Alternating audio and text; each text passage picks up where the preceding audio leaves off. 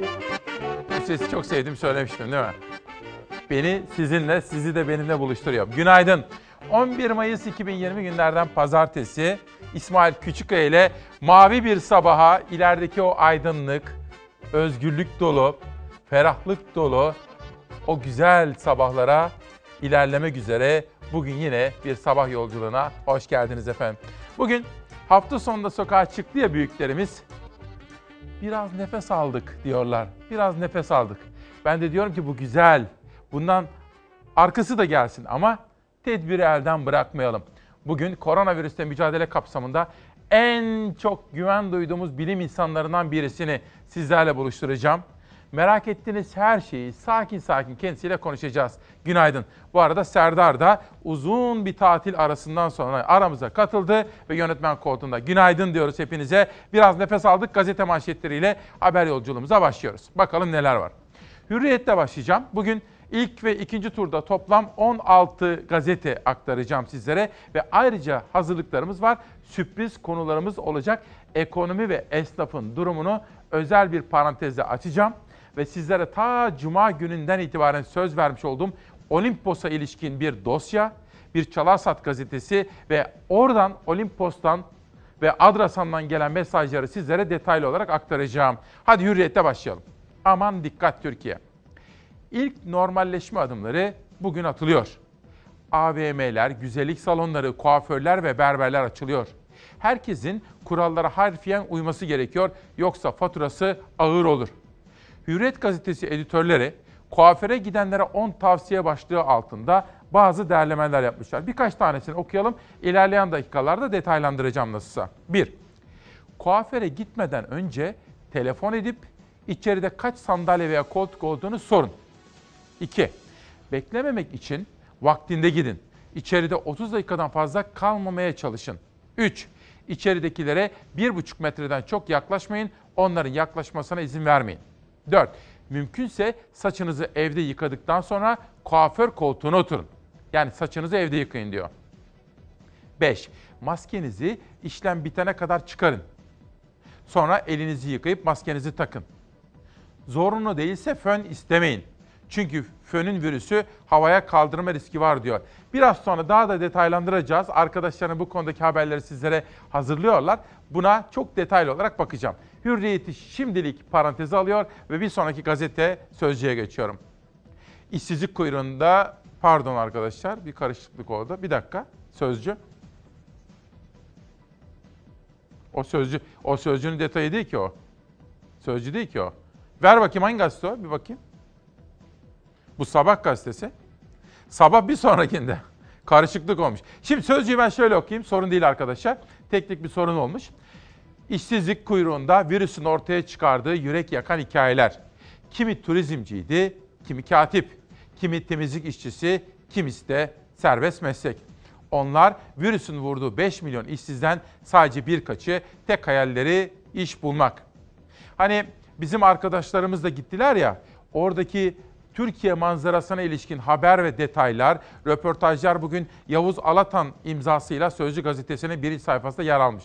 Bu sabah koronavirüse ilişkin haberleri aktarırken bir taraftan da esnaf, işçi ve işsiz evine ekmek götürmek üzere çalışan, alın teriyle çalışmak isteyen, iş bulamayanları da sizlere detaylı olarak aktaracağım.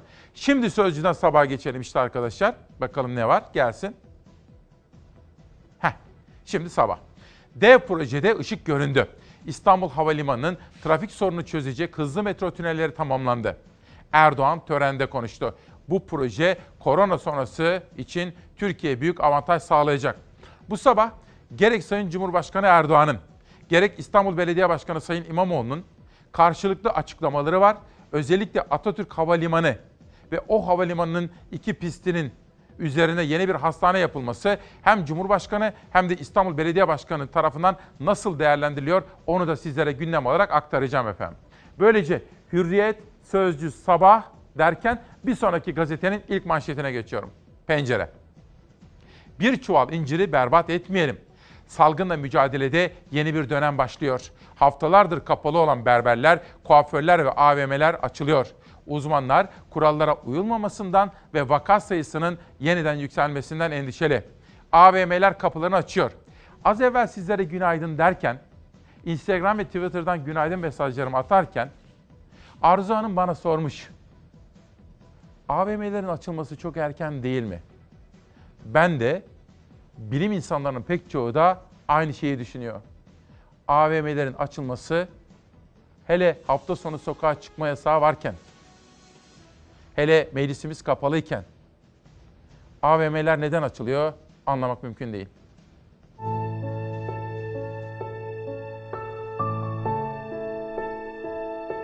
65 yaş üzerindekiler pazar günü temiz hava ve bol güneşin tadını çıkardı. Sağlıkçılarsa virüs mücadelesini sürdürdü.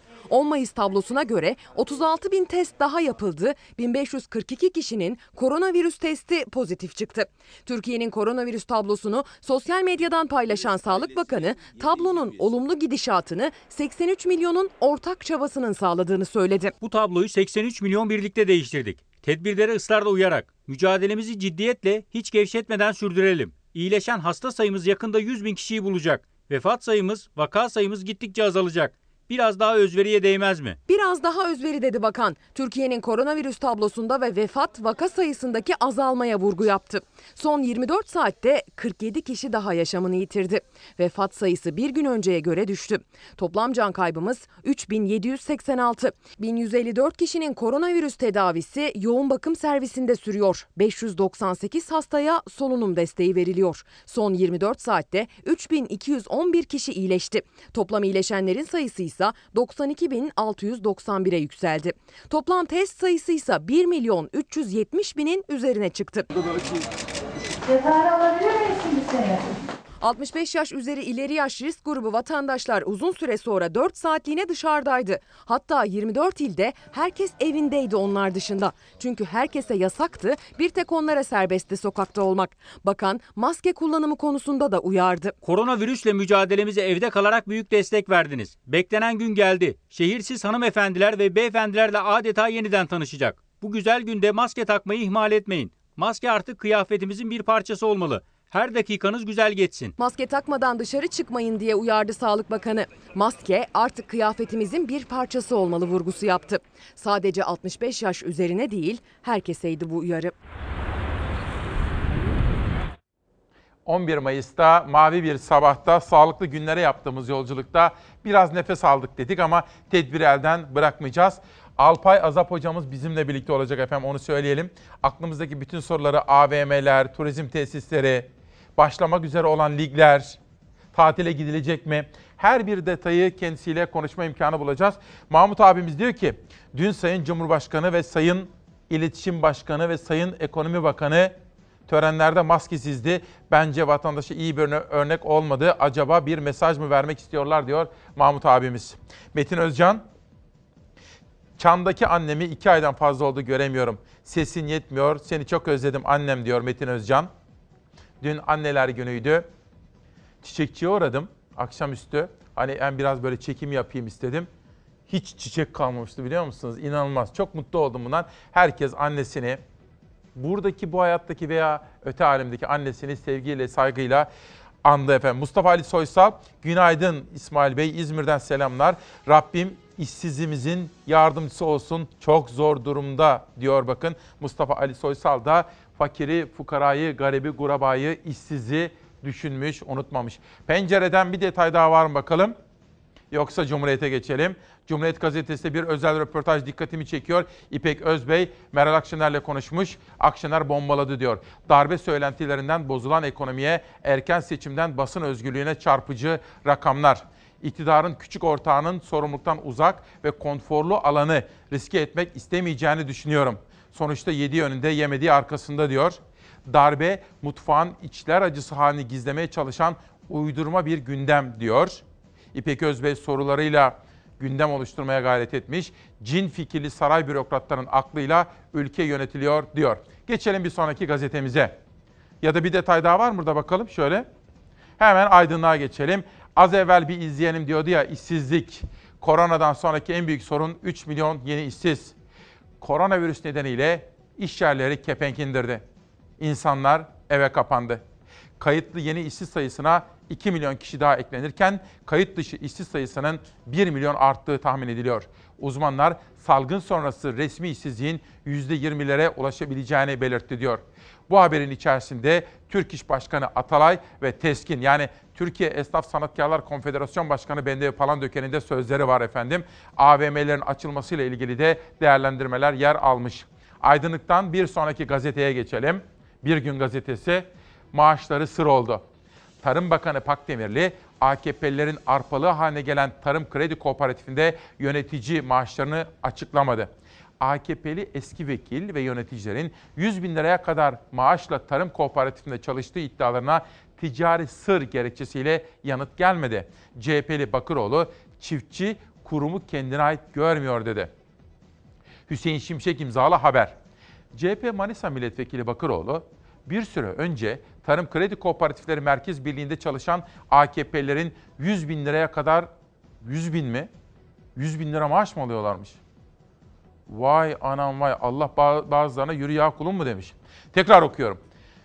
CHP Manisa Milletvekili Bakıroğlu bir süre önce Tarım Kredi Kooperatifleri Merkez Birliği'nde çalışan AKP'lilerin 100 bin liraya kadar maaş aldıklarına dair iddiaları gündeme taşıdı. Bakıroğlu, Tarım ve Orman Bakanı Bekir Pakdemirli'nin yanıtlaması istemiyle Türkiye Büyük Millet Meclisi Başkanlığı'na yazılı soru önergesi sundu. Birliğin iştiraki Gübretaş'ta zarara rağmen yöneticilerin huzur hakkı ödemelerine %88 zam yapıldığında anımsattı. Bakan Pakdemirli yasal süre geçtikten sonra verdiği yanıtta talep edilen bilgilerin ticari sır olduğunu ve bu nedenle açıklanamayacağını bildirdi. Yanıt bu neyin sırrı? Gizlenen ne? Sorusunu gündeme taşıdı. Bakıroğlu adeta bir arpalık haline gelen tarım kredi kooperatifleri artık çiftçi kuruluşu olmaktan çıkmıştır. Çiftçi kendisine ait görmediği bu kurumdan uzaklaşmakta mecbur kalmadıkça kredi çekmemekte, sigorta yaptırmamakta dedi. Şimdi burada Sayın Bakan'la şunu hatırlatmamız gerekir. Demokratik bir ülkede yaşıyoruz ve iktidarların vatandaşlara, halka hesap vermek gibi bir zorunlulukları vardır. Her şeye ticari sır demeye başladılar farkında mısınız? Oysa iyi yönetim tarzının, demokratik yönetim biliminin bize öğrettiği şudur. Şeffaflık esastır. Yani bizi oylarımızla temsil etmek üzere seçilenler halka karşı sorumludurlar ve böyle ikide bir ticari sır filan diyerek şeffaflıktan kaçınmak aslında yanlış bir uygulamadır. Eğer bakan bu konuda bir açıklama yaparsa seve seve onun yaptığı açıklamaları İsmail Küçüköy ile Çalar Saat'te aktarmak isterim. Hafta sonunda yaşı büyüklerimiz, annelerimiz, babalarımız, büyüklerimiz dışarıya çıktılar. Böyle biraz biraz nefes aldılar. İşte biz bu sabah manşetimizi oradan attık. Biraz nefes aldık.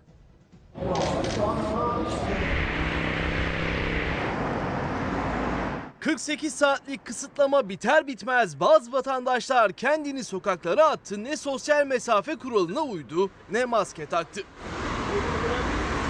24 ilde hafta sonu 2 gün boyunca sokağa çıkma kısıtlaması vardı. Bu hafta geçen haftalara göre daha çok uyuldu yasağa. Geçen hafta sonuna kıyasla kısıtlamayı ihlal edenlerin sayısı yarı yarıya azaldı. İçişleri Bakanlığı 2 günde 13.716 kişiye yasağa deldiği gerekçesiyle adli ve idari işlem uygulandığını açıkladı. Trabzon 6399. Kısıtlamaya uyma konusunda yol kat etti Türkiye ancak saatler 12'yi vurduğu anda yani yasağın kalktığı dakikada istenmeyen manzaralar oluştu.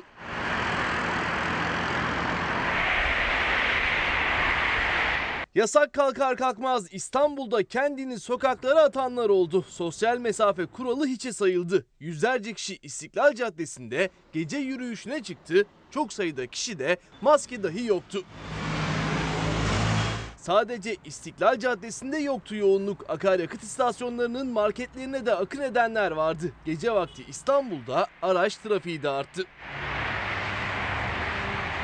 Başkent Ankara'da, Tekirdağ'da, Samsun'da birçok noktada benzer manzaralar vardı. Bursa'da ise gece vakti trafik durma noktasına geldi. Aracını atlayan dışarı çıktı, trafik kilitlendi. Daha önceki yasakların bitmesiyle büyük yoğunluk oluşan İstanbul Bayrampaşa sebze ve meyve halinde bu sefer sıkı denetim vardı. Polis ekipleri hale maskesiz kimseyi almadı. Maskesi olmayanlara maske dağıtıldı. Beyler maskesiz çalışmıyoruz. Maskeleri takacağız.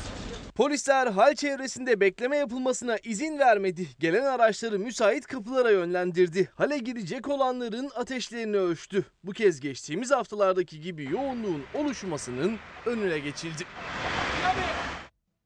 Bu bir Zafer Söken haberiydi. Biraz sonra Zafer'in hazırlamakta olduğu barolardaki tartışmayı da gündeminize aktarmak istiyorum. Bu arada çok sevindiğim bir haber. Rotaryenler devreye girmişler. Dünya çapındaki bir firma devreye girmiş. Türkiye'mizin dünya çapındaki bir gururu devreye girmiş ve Cerrahpaşa'ya muhteşem bir hizmette bulunuyorlar efendim. Bir bağış. İlerleyen dakikalarda heyecanla Cerrahpaşa çünkü Cerrahpaşa bizim şimdi gururumuz. Ve İsmail kardeşim günaydın. Kim bunu söylüyor? Bartu Delfin. Sağlık Bakanı'nın düşünce ve uygulamaları ile hükümetin düşünce ve uygulamalar arasında bir çelişki var mı sizce de? Bence Sağlık Bakanı gerçekten iyi yönetiyor. Çünkü sağlık açısından bakıyor. Hükümetin bakış açısını çözemedim diyor. Şimdi tabii Sağlık Bakanı da sonuçta AK Parti iktidarının bir Sağlık Bakanı. Ama şunu söyleyelim. Sonuçta tıp eğitimi almış. 6 yıl tıp okumuş. Anatomi biliyor. Bilim. Bilime bakıyor. Hani siyasi görüşleri ne olursa olsun bir bilim adamı bakışı ve şapkası var. Bir de düzgün bir adam belli ki, iyi bir adam ve işini bence iyi yapmaya gayret ediyor. Hükümetin kim uygulamaları başarılı olabilir, kim uygulamaları başarısızdır. Ama geneli itibariyle bir değerlendirme yapmayalım da siz bana somut olarak spesifik işte şu konuda ne düşünüyor diye sorarsanız onu daha doğrusu yanıtlamaya gayret ederim. Bir günde maaşları sır oldu haberinden karara geçiyorum. Karar Gazetesi kontrollü sosyal hayatın ilk günü işte bugün. Gevşersek eve döneriz. Normalleşme takvimi çerçevesinde AVM'ler, pazarlar, berberler bugün kapılarını açacak. Dolaşımın artmasıyla salgın riski katlanacak. En kritik günde kurallara harfiyen uymak çok daha büyük önem taşıyor. Rehavete kapılırsak evde karantinaya geri döneceğimizi hatırlatan bilim insanları da virüs pusuda tedbirler gevşerse ikinci pik yaşanır. Yani eğer biz tedbiri elden bırakırsak, gevşetirsek ikinci kez salgının zirve noktasını görebiliriz diyorlar. İlerleyen dakikalarda Alpay Azap hocamıza bunu da soracağız ve özellikle berberleri soracağız. Açılmak üzere olan ligleri soracağız.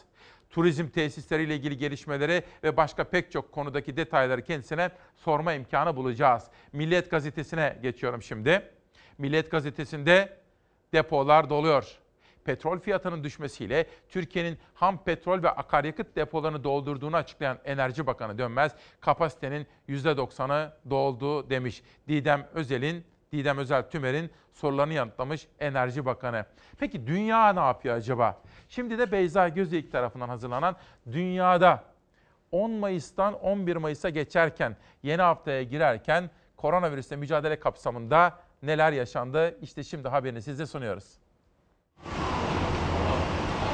Güney Kore'de açılan gece kulüpleri salgında ikinci dalgaya sebep oldu. Beyaz Saray'da virüs kabusu geri döndü. Trump'ın salgın timinden iki isim kendini karantinaya aldı. Dünyada Covid-19'la mücadelede yaşamını yitirenlerin sayısı 283 bini aştı. 1,5 milyona yakın kişi ise hastalığı yenerek iyileşti. Salgından en çok etkilenen Amerika'da can kaybı 80 bini geçti. Beyaz Saray virüs tehdidi altında. İlk olarak hafta içinde Başkan Trump'ın yaverinde Covid-19 tespit edildi. Onu Başkan Yardımcısı Mike Pence ve Ivanka Trump'ın sözcüleri izledi. Bunun üzerine koronavirüsle mücadelede öne çıkan iki isim Dr. Fauci ve Robert Redfield kendini karantinaya aldı. Salgını atlatmaya çalışan Avrupa'da kısıtlamalar kaldırılıyor. Birçok ülke yeni hafta ile birlikte normal dönüş için yeni adımlar atacak. Almanya'nın başkenti Berlin'de aşırı sağcı göstericiler kısıtlamaları protesto etti. Polis sosyal mesafe kurallarına uymayan göstericileri gözaltına aldı. Dünyada kısıtlamaları kaldıran ülkeler hala salgın tehdidi altında. Sosyal mesafe kurallarını gevşeten Güney Kore ikinci dalga salgınla karşı karşıya geldi. Gece hayatının başlamasıyla vakalar yeniden artışa geçince 2100 gece kulübü kapatıldı. Salgının dünyaya yayıldığı Wuhan'da 37 gün sonra ilk kez koronavirüs tespit edildi. 3 Nisan'dan bu yana rapor edilen ilk hastanın hiçbir semptom göstermediği açıklandı. İran'da da 9 şehirde vaka sayısı artınca önlemlerin yeniden uygulanmasına karar verildi. Bu şehirlerde devlet daireleri ve iş merkezleri kapatıldı. Dünyadan ayrıca tek tek ülkelere İngiltere, Fransa, Almanya, İspanya, Çin gibi farklı ülkelere de bakacağız. Mesela bazı Avrupa ülkeleri yaşlılarımızı koruyamadık diye itiraflara başladılar. Her birini sizlere aktaracağım. Bu arada Gaziantep'ten Yalçın Çayırlı da memleketimize selam ve sağlıklı günler dileklerinde bulunmuş. Yalçın kardeş günaydın. Dün aradığım ve kutladığım annelerden biri de Zekiye anneydi. Zekiye Çayırlı'yı da aradım. İlerleyen dakikalarda zaten Gaziantep gazetesi de yerel gazetelerin arasında yerini almış durumda. Anneler günüydü ya. Gerek hayattaki annelerimizi, gerekse de uzakta, çok uzaktaki annelerimizi saygıyla, ödenemeyecek şükran duygularıyla andık ya. İşte bakın bazı seçmeler. Ahmet Ümit, bir edebiyat insanı. Sende başladım, nerede biteceğimi bilmiyorum. Pek önemi yok bunun. Sen bir şanstın anacığım. Her evladın eline geçmeyecek çok büyük bir şans. Hakkın ödenemez. Hiçbir şeyle, hiçbir şekilde, hiçbir zaman. Güler Kandil. İsmail Bey merhaba. Lütfen siz annelerimize çok önem veriyorsunuz. Benim sizden ricam, benim annem 84 yaşında, 2 aydır içeride biz Tunceli Ovacık'ın köylerindeniz. Her bahar Mayıs'ın ilk haftası köye gideriz, ekin ekeriz, bostan ekeriz, domates, biber, salata ekeriz diyor Güler Hanım. Can Türk Doğan, Efes Antik Kenti'nin ortasına da bir resort otel rica edelim. Bu yetmez yahu antik kent, orası antik kent. Olimpos. Şimdi şöyle kısacık bir bilgi vermek isterim. Olimpos'la ilgili sizlere söz vermiştim ve hafta sonunda Adrasan ve Olimpos'ta yaşayan Çalarsat ailesinin kıymetli üyeleriyle de konuştuk. Onlar çalıştılar. Büyük bir hassasiyet, derin ve güçlü bir duyarlılık gelişmiş burada. Fakat hem Adrasan'daki hem de Olimpos'taki dostlarımızın, çevre dostlarının mesela Kadir abinin, mesela belediye başkanlarının, çevre dostlarının söyledikleri hem de Turizm Bakanı Sayın Mehmet Ersoy'un vermiş olduğu teminat içimizi rahatlattı. İlerleyen dakikalarda Çalar Saat'in manşetinde ve haber dosyamızda bunu izleyeceğiz efendim. Olimpos'la ilgili şu anda kaygılanacak bir şey yok ama haberini detaylandıracağım. Ozan Balık, tüm dostlarımızı desteğe davet ediyoruz. Maden ocaklarına karşı vermiş olduğu mücadelede katledilen Ali ve Aysin büyük nohutçuyu unutmadık, unutturmayacağız. Kızlarıyla konuştum hafta sonunda ve onların katledilmesinin ikinci ölüm yıl dönümüydü onlar için. Kız Emine Hanım ve kızlarıyla da konuştum. Sizlere bu konudaki haberleri ilerleyen dakikalarda Ezgi Gözeger hazırlıyor. Çevre dostları Antalya ve Finiki'yi ve oradaki bütün o mermer ocakları ile ilgili gelişmeleri dikkatle takip ediyorum. En önemli gündem maddelerimden birisi. Haberi var biraz sonra. Profesör Doktor Mustafa Öztürk bir çevre duyarlılığı isteyen manşet ama aynı zamanda AVM'lere ilişkinde paylaşımlarıyla bizleri uyarıyor hocamız. Berber ve kuaförde müşteri içeri girmeden sıcaklığı ölçülmeli. Elleri dezenfekte edilmeli. Biraz dolalım arkadaşlar. Biraz yazıyı okumak istiyorum. Berber ve müşteri en az 1 metre sosyal mesafe kuralına uymalı ve maskeler tekniğine uygun takılmalı. Her işlem sonrası kullanılan tüm malzemeler mesela mesela o kullanılan malzemeler var ya havlular tek kullanımlık olmalı bir kere. Onun dışındaki her bir malzeme mesela makas hepsi dezenfekte edilmeli. Aksi ortam riskli diyor. Hemen altına doğru iniyorum. Berber ve kuaför salonlarında çalışanlar için COVID-19 testi yapılmalı. Test sonucu pozitif çıkanlar kesinlikle çalıştırılmamalı diyor Mustafa Öztürk hocamız. Bir de siyaset. Bu sabah siyasete ilişkin gelişmeleri de sizlere aktaracağım. Ama şunu peşin peşin söyleyeyim. Hafta sonunda Ankara'daki haber kaynaklarımızla da konuştuk. Mesela Koray Aydın'la da İyi Parti'nin elinde o teşkilatlarıyla ilgili ve Türkiye'ye de hakim olduğu için Koray Aydın'la da konuştum. İlerleyen dakikalarda isimlerini tek tek zikredeceğim. Başka pek çok haber kaynağımla da konuştum. Şunu söyleyeyim. Bir erken seçime çok yüksek olasılıkla bakılmıyor efendim. Onu söyleyelim. Ama ilerleyen dakikalarda ve yarın detaylandıracağım. Ama siyaset, Nuhal Bayrak, AK Parti eski milletvekili Şamil Tayyar, AK Parti tanıtım ve medya başkan yardımcısı olarak atandı diyor. Bu da işte AK Parti cephesinden bir gelişme. Demek ki Şamil Tayyar tabii o sivri dilli ve sözleriyle olay yaratır ya, gündem oluşturur ya. AK Parti böyle bir ihtiyaç hissetmiş. Alican Uludağ, adliye koridorlarından bir haber. Yargıtay Cumhuriyet Başsavcılığı Selahattin Demirtaş'a verilen 4 yıl 8 aylık cezanın bozulmasını istedi. Gerekçe polis bilirkişiler taraflı savunma hakkı kısıtlandı. Bunu da sizlere detaylandıracağım yine bugünkü buluşmamız içerisinde. Koray Aydın, hani söyledim ya, tabii deneyimli bir siyasetçi, özellikle milliyetçi ve muhafazakar kesimde etkili, İyi Parti'de de etkili bir isim. Ne diyor bakın Koray Aydın? Muhalif gazeteciler hapse giriyor. Muhalif yazarlar dayak yiyor. Muhalif medya susturuluyor. Muhalif televizyonlara ceza kesiliyor. Muhalif STK'lar yani sivil toplum kuruluşları bitiriliyor. Muhalif partiler ötekileştiriliyor.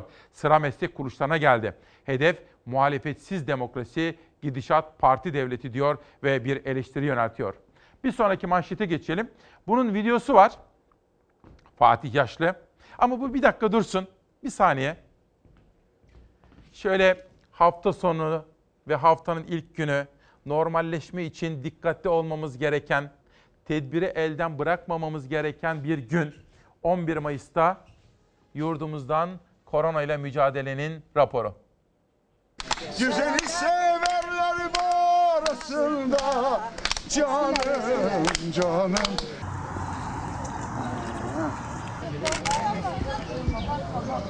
Spor yaptım, jimnastik yaptım. Vallahi bugün bizim bayramımız. Ya özgürlük güzel bir şeymiş be. Hakikaten anladık yani özgürlüğün ne olduğunu. Çok mutluyuz. Çocuklar gibi seviniyoruz. Edirne'den Adana'ya, Diyarbakır'dan İzmir'e görüntüler hep aynıydı. Maskelerini takıp sokağa çıkanlar yürümeyi adeta yeniden keşfetti. İki aydan beri ben hapisteydim ben. Hiç olmazsa bir temiz hava alalım. Çarşıyı görüyorum, özledik çarşıyı. Koronavirüs salgını nedeniyle 21 Mart'ta 65 yaş ve üstüne getirilen sokağa çıkma yasağı ilk kez esnetildi. 4 saatlik izin başlar başlamaz haftalardır evde kalan vatandaşlar kendilerini sokağa bıraktı. televizyonla konuşuyorum yani. Hani basbaya. Ba- Bir gören olsa bu yani yelkenlemiş diyecekler, üşütmüş diyecekler ama Bazıları için dakikalar geçmek bilmedi. Saatler 11'i göstermeden dışarı çıkanlar da oldu. İznin başlayacağı saati heyecanla bekleyenlerdi. Saati bekliyoruz biraz önce heyecanla çıkalım bakalım. Camdan bakıyorduk doğanın uyanışına. Bir de canlı canlı göreceğiz diye çok heyecanlıyız. Çok mis gibi bir hava var. Çok güzel oldu. Dile kolay. Tam 50 gün sonra evden çıktılar, sokağa adım attılar. Çocuklar gibi sevindiler. Parklara, bahçelere koştular. 4 saat boyunca baharın tadını çıkardılar. Allah iki aydır ben evdeyim. Ee, bugün 3 saat çıkacağım dolaşacağım. Çok mu sıkıldınız? Çok sıkıldım çok. Kaç yaşındasın? 18. Ters oku. 81. Sınırlı da olsa 4 saatlik izin keyifli geçti. Mutlulukları, heyecanları cümlelerine yansıdı. Bugün hiç eve girmeyeceğim 4 saat. Ben gezen bir insandım. Günlerimiz, gezmelerimiz, komşuluklarımız.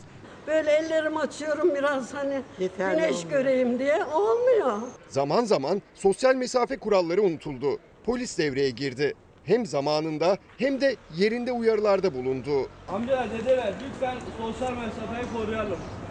Sağlığınız için çok önemli. Biraz gezin, dolaşın. Bak ayaklarınız açılsın. Ankara Kuğulu Park'ta 65 yaş üstü vatandaşlar gençlere taş çıkarttı.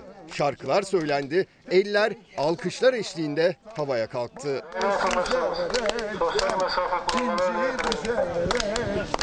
50 gün sonra ilk kez sokağa çıkan 65 yaş ve üstü vatandaşlar aslında çocuklar kadar şen. İşte bir örneği. Bir beyefendi efendim ne yapıyorsunuz? Efendim 18 yaşındaki halimi yaşıyorum. Hiç farkı yok. Yaşım 80. Tadını çıkarıyorum. Tadını çıkarıyorum. Doya doya. Bravo. Süre dolduğunda hepsi güzel günlerin yakın olduğu umuduyla tekrar evlerine döndü. Biraz nefes aldık diyoruz. Bu arada Handan Hanım var, bir çalar saat annesi. O da dün hani öyle deriz ya ağzı kulaklarındaydı. Neden? Bir kere anneler günüydü. Evladı çok uzaklardaydı ama tam da o gün kızı Cansu, Cansu Hanım ona bir haber vermişti ve avukatlığı bitirmişti. Amerika'da sınava girmişti ve baro sınavını geçmiş efendim. Handan Oksal'ın kızı Cansu Oksal. Ben de kendisini buradan tebrik ediyorum. Her ikisini, annesini ve kızını da diyorum. Ve işte bu videoyu ben gördüm. Çok etkilendim. Fatih Yaşlı paylaşım yapmıştı hafta sonu. Belki de hafta sonu gazete okuyamadınız, bilemiyorum. Televizyon izleyememiş olabilirsiniz ama çok önemli bir video paylaşım vardı sosyal medyada. İnönü tam 33 yıl 4 ay 11 gün genel başkanlık yapmıştı. Son ana kadar koltuğu Ecevit'e bırakmamak için uğraştı ama başaramadı diyor. Fakat asıl enteresanı tam sonrasında meydana geliyor. O videoyu şöyle hemen bir izleyelim efendim. Tarihten bir yaprak.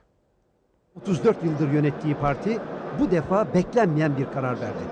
Kurultay Bülent'i seçti. Herkes İnönü'nün tepkisini bekliyordu.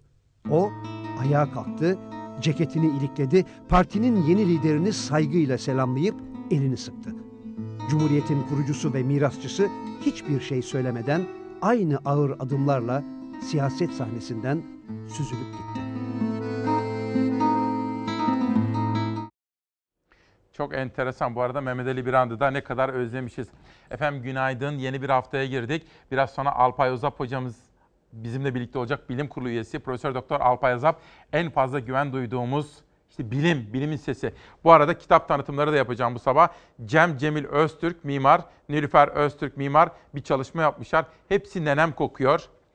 Ve bakın böyle içinde etnografya eserleri koleksiyonu. Çok teşekkür ediyorum. İlerleyen dakikalarda farklı kitapları da sizlere tanıtacağım. Bana biraz müsaade ederseniz gündemi editörüm ve danışmanımla konuşacağım. Konuğum ne durumda ona bakacağım ve sizlerle buluşmak üzere huzurlarınıza geleceğim. Yeni bir güne, yeni bir sabaha, yeni bir haftaya birlikte başlıyoruz. Biliyorsunuz yeni bir günün anahtarı yani iyi bir günün hakkını vermenin anahtarı nerededir?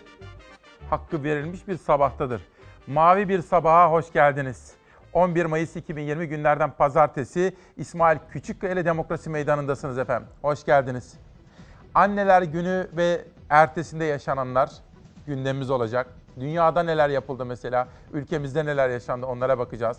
Koronavirüse ilişkin en güvenilir, en bilimsel bilgileri yine burada konuşacağız.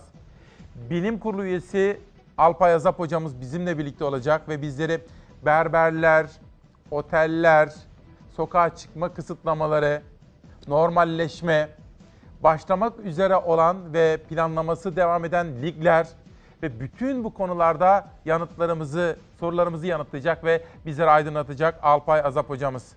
Bunun dışında sizler için hazırladığımız özel gündem maddeleri var. Dosyalarımız var. Mesela baroların seçim sistemi neden değiştirmek isteniyor? Acaba neden? Mesela ekonomiye dair, işsizlik rakamlarına dair hangi manşetleri sizlerle paylaşacağız? Bunu da aktaracağım. Söz verdiğim üzere Olimpos için çalıştık. Özel dosyalarımız var. Gerek bakanın yaptığı açıklamalar Bakan Ersoy'un, gerekse de çevre dostlarının, Çalarsat ailesinin Adrasan ve Olimpos'tan bizler için derleyip toparladığı haberler yine de burada olacak efendim.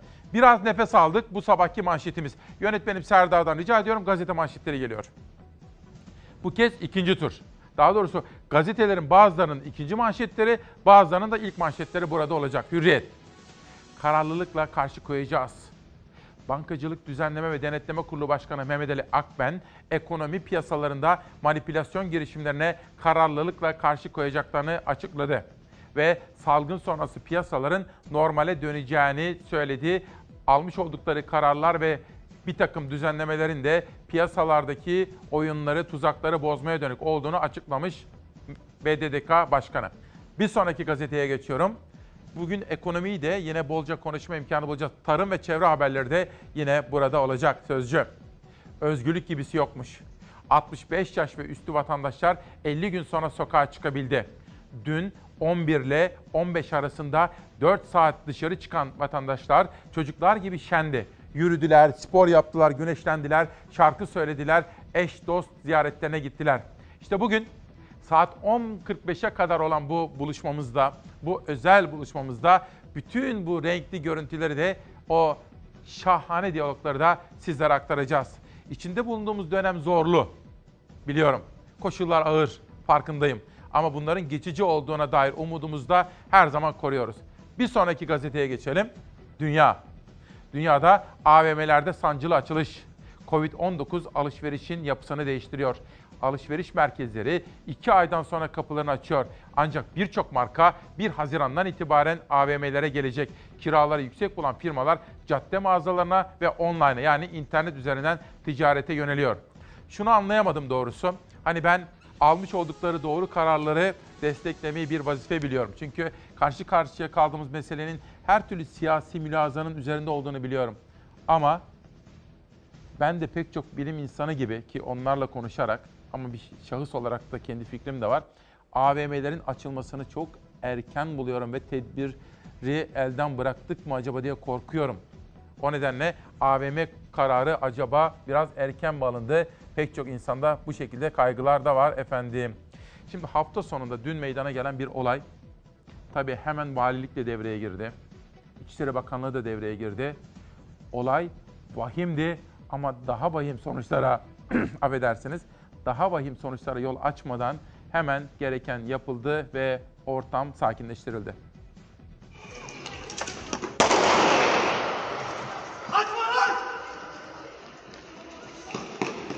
Taş atan grubu dağıtmak isteyen polis havaya ateş açtı. Zihinsel engelli küçük çocuk korkudan ne yapacağını bilemedi.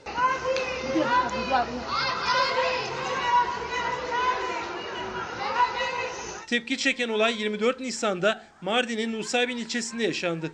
Sokağa çıkma yasağını denetleyen sivil polis Fırat Mahallesi'nde devreye geziyordu. İddiaya göre bu sırada ekibe taşlı saldırı yapıldı. Bir sivil polis grubu dağıtmak için bir sitenin bahçesine girdi. Küçük çocukların oynadığı bahçede silahını çekip havaya ateş açtı. Yerde yatan bir çocuğu kolundan tutup zırhlı aracın yanına götürdü. Bazı site sakinleri çocuğa sert davranan polise tepki gösterdi. Çocuğun zihinsel engelli olduğu söylenmesine rağmen polis ikna edilemedi. Cep telefonuyla çekilen görüntüler sosyal medyaya yansıyınca Mardin İl Emniyet Müdürlüğü devreye girdi. Görüntülerin tasvip edilmediği, üstlerine bilgi vermeyen polis hakkında soruşturma açılarak görevden uzaklaştırıldığı duyuruldu. İşte bakın bir çekim yapılmasa acaba ne olurdu? Çünkü ülkemizin huzuru ve esenliği, barışı çok önemli. Bunu böyle gözümüzün nuru gibi korumamız gerekiyor. Çok sevdiğimiz bu cennet yurdumuzda huzur, esenlik ve barış içerisinde yaşamamız gerekiyor. Her birimize bu konuda düşen sorumluluklar var ve sağduyulu davranmamız gerekiyor efendim. Bu arada ben bir terziyim. Bir fotoğraf var efendim. Küçücük bir terzi. Düşün hani mahallelerimizde vardır ya. Mesela bizim orada Şeref abimiz vardı. Şeref Erçek. Onları buradan selamlıyorum Güler yengemle birlikte. Aklıma geldi bir anda. Ankara'dan bir mahalle tersi Fikret Koca. 65 yaşa takılıyorum. İş yerine gitmem lazım gidemiyorum. Buna neden bir çare bulunmuyor? Fikret Koca gibi yaşı 65'in üzerinde olup da dükkana gitmesi gerekenler var. Aslında onların esnetilmesi ve işlerine devam edebilmeleri gerekiyor. Gereken önlemleri aldıktan sonra değil mi? Terzimiz burada haklı değil mi diye de bir soralım. Biraz sonra belki de Alpay Azap hocamıza bunu da sormalıyız. Dünyadan bir güne geçiyorum. Bir günün ikinci manşeti. Ormanın çığlığı. Salgında denetim azalınca Brezilya'da Amazon ormanlarında kesilen ağaç sayısı Nisan ayında %64 oranda artış gösterdi. Demek ki biz doğaya karşı bu kadar vandal, düşüncesiz ve vahşi bir şekilde davranmayı sürdürürsek başka pandemiler yani başka salgınlar da maalesef insanlığın yakasını bırakmaz diyorum efendim. Bir habere götüreyim mi sizi mesela? Hani Olimpos dedim ya, Kaz Dağları diyorum ya, Murat Dağları, Gediz Dağları diyorum ya. Dikkatinizi çekmek istediğim ve sizi şimdi götürmek istediğim yer Kars. Falana tarafa gideyim. Kola babamın yuvasını sular basmış. Anana baba görmedik anayı. Tamam anne tamam yeter anne. Anayı. Tamam anne. Direğin orada parasını almadım. Şu an mağdurum. Hayvanlarım dışarıda. Evim yok. Yerim yok. Cumhurbaşkanımız bu olayları hiç duymuyor mu? Arabada yatıyorum. Çoluk çocuğum, hayvanlarım orada, çoluk çocuğum da orada. Ola suyun altında yuvaz kaldı balayı. Aranın odasın sen bu sobası görünür olay. Evlerin soba boruları, çatıları kaldı suyun üzerinde. Karakurt köyü baraj sularının altında kaldı. Köylüler duruma hazırlıksız yakalandıklarını, salgın günlerinde Ramazan ortasında desteksiz bırakıldıklarını söylüyor. Ben ne, ne, neyle gideyim? Kuruş para aldığımız yok. Altında kaldığı için evlerimiz arabama yükledim yükü. Gidecek ev yok. Nereye gideceğim ben? Hiç böyle bir şey gördünüz mü? Yazık valla. Dün akşam can güvenliğimiz bile yoktu. Yani dün akşam burada yatsaydık boğulacaktık demek ki. Bir tane kedi kendini parçalıyor. Hele gelin çatının başında kedi kendini parçalıyor. Evin kedisi bile çatıda mahsur kaldı baraj su tutmaya başlayınca. Eşyalarını, hayvanlarını son anda toplayabildiler. Bazıları onu da yapamadı. Kars'ın Sarıkamış ilçesine bağlı Karakurt köyü, Karakurt Barajı'nın suları altında kaldı. 20 Nisan'da evlerin boşaltılması isteğiyle gelen jandarma ile köylüler arasında olay çıkmıştı. Köylülere geçici yerleşim yerleri ayarlandığı söylendi valilikçe. Koronavirüs salgını sırasında evlerini boşaltamayacaklarını söyledi köylüler. Pandemi bile barajın su tutma tarihini erteleyemedi. Bu hastalıkla olay, hastalıkla dolayı herkeste şehirde çıkma yasağı var. Bizi su altında bıraktılar, sürü bağladılar. Bize bir gün tanımadılar, gün vermediler. Nereye, ne yapacağız? 30 tane nüfusum var. 6 kardeşiz. 80 yaşındaki annem var. 2 tane özürlü çocuğumuz var. Peki biz bunları nereye götüreceğiz? Yetkililere gittiklerini ancak destek bulamadıklarını söylüyor Karakurt'un sakinleri. Kimisi sular altında kalacak olan ölmüşleri için yas tuttu, kimisi ölmüş anne babasının emek emek taş taş ördüğü yuvası için.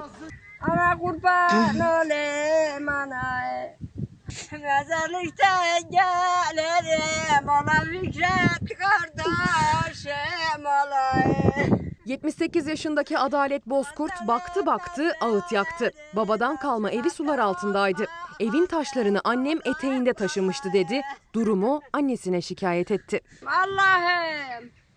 Allah'ım. Allah'ım bu nasıl işit Allah'ım. Anam kazmayla, küreğiyle yuva yaptı. Ana, senin ruhan ayan olsun ana. Tamam anne. Anne can annen ağlama ne olur yeter ben de dayanamıyorum anne kurban olayım anne. Ben çocuğumu bıraktım geldim ana. Adalet nine yaşadığı adaletsizliğe ağıt yaktı. O ağıt Karakurt köyünün yaşadığı çaresizliği gözler önüne serdi. Tarla, takka, ahır her şey sular altında kaldı. Evi ve dükkanı sular altında kalan köyün esnafı kalan ürünlerini kendi elleriyle attı barajın dolmaya başlayan sularına. Burası da tarlamızdı. Ama e, su gelince hiç olmazsa ağaçlarımızı kurtaralım dedik. Cumhurbaşkanım bir duymuyor musun? Bu halkın mağdurdur. 50 tane ülkeye siz yardım ediyorsunuz şu durumda. Ezgi Gözeger'in haberi. Bu konuya dikkatimi benim açık söyleyeyim barışçı arkadaş dikkatimi çekti. O bölgenin evladıdır. Dedi ki abi dedi çevre konularına ve bu tarzdaki haberlere çok duyarlısınız dedi. Ben de Ezgi'den rica etmiştim. Çok incelikli bir iş yapmış. Mehmet Bektur, polisimizi her fırsatta savunursunuz. Polisimizin özlük hakları ve çalışma esnasında yaşadıkları ve bizlerin de dernek olarak beklentileri bizlere verilen sözler vardı diyor Mehmet Bey. Bu arada efendim Aysude Kurt, bizim şu anda işaret diliyle tercüme yapan arkadaşımız var ya, onun Aybüke'nin kız kardeşi bugün doğum günü kutluyor. Onu da biz bütün ailesiyle birlikte sağlıklı günler dilekleriyle buradan kutlamak istiyorum. 11 Mayıs'ta doğum günü kutlayan bütün Çalarsat ailesini sevgi ve saygıyla selamlıyorum. Cumhuriyet'ten bir detay gelsin. Savunma özgürlüktür. 51 barodan AKP'ye uyarı. Aralarında İstanbul, Ankara ve İzmir'in de bulunduğu 51 baro yaptıkları ortak açıklama ile AKP'nin gizlice baroların yapısını değiştirme hazırlığına sert tepki gösterdi. FETÖ projesi denilen düzenlemenin Cumhuriyet'in kuruluş felsefesine aykırı olduğu vurgulanan açıklamada baroları yok sayan, savunmayı işlevsiz, iktidara bağlı ve atıl kılacak müdahalelerden vazgeçin denildi. Bu konuyu da bugün, yarın ve bu hafta boyunca detaylı olarak bütün tarafların görüşlerine başvurarak aktaracağım. Tekrar ediyorum. Barolarla ilgili bu düzenleme hazırlıklarına hükümet, muhalefet, Türkiye Barolar Birliği ve pek çok başka baro penceresinden bakarak bugün, yarın ve bu hafta bu konuyu gündeminize taşıyacağım efendim. İnceleme konularımız arasındaki önemli konulardan biridir. Geçelim. Cumhuriyet'ten Yeni Birlik Gazetesi. Yeni Suriye oyunu. ABD ve Fransa, Suriye'nin kuzeyindeki işgalci örgüt YPG PKK'ya uluslararası arenada temsil alanı açmak için Suriye Kürt Ulusal Konseyi'ni paravan olarak kullanmaya hazırlanıyor. Gazete geçtiğimiz haftada buna ilişkin bir manşetiyle dikkatimizi çekmiş ve Çalar Saat'te yer almıştı. Yeni Birlik'ten bir sonraki gazete manşetine geçiyorum ve gündeme pencereden bakıyorum. HDP için kapatma hazırlığı mı var? Savcılık HDP üyeliğini suç unsuru olarak kabul etmişti. Parti HSK'ya gidiyor.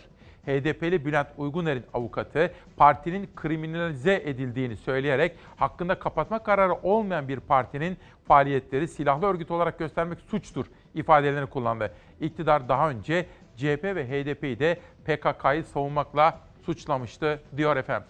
Tabii biz her zaman hem Türkiye'deki gelişmelere bakıyoruz hem dünyadaki gelişmelere ve özellikle Orta Doğu'daki yaşananlara da bakıyoruz.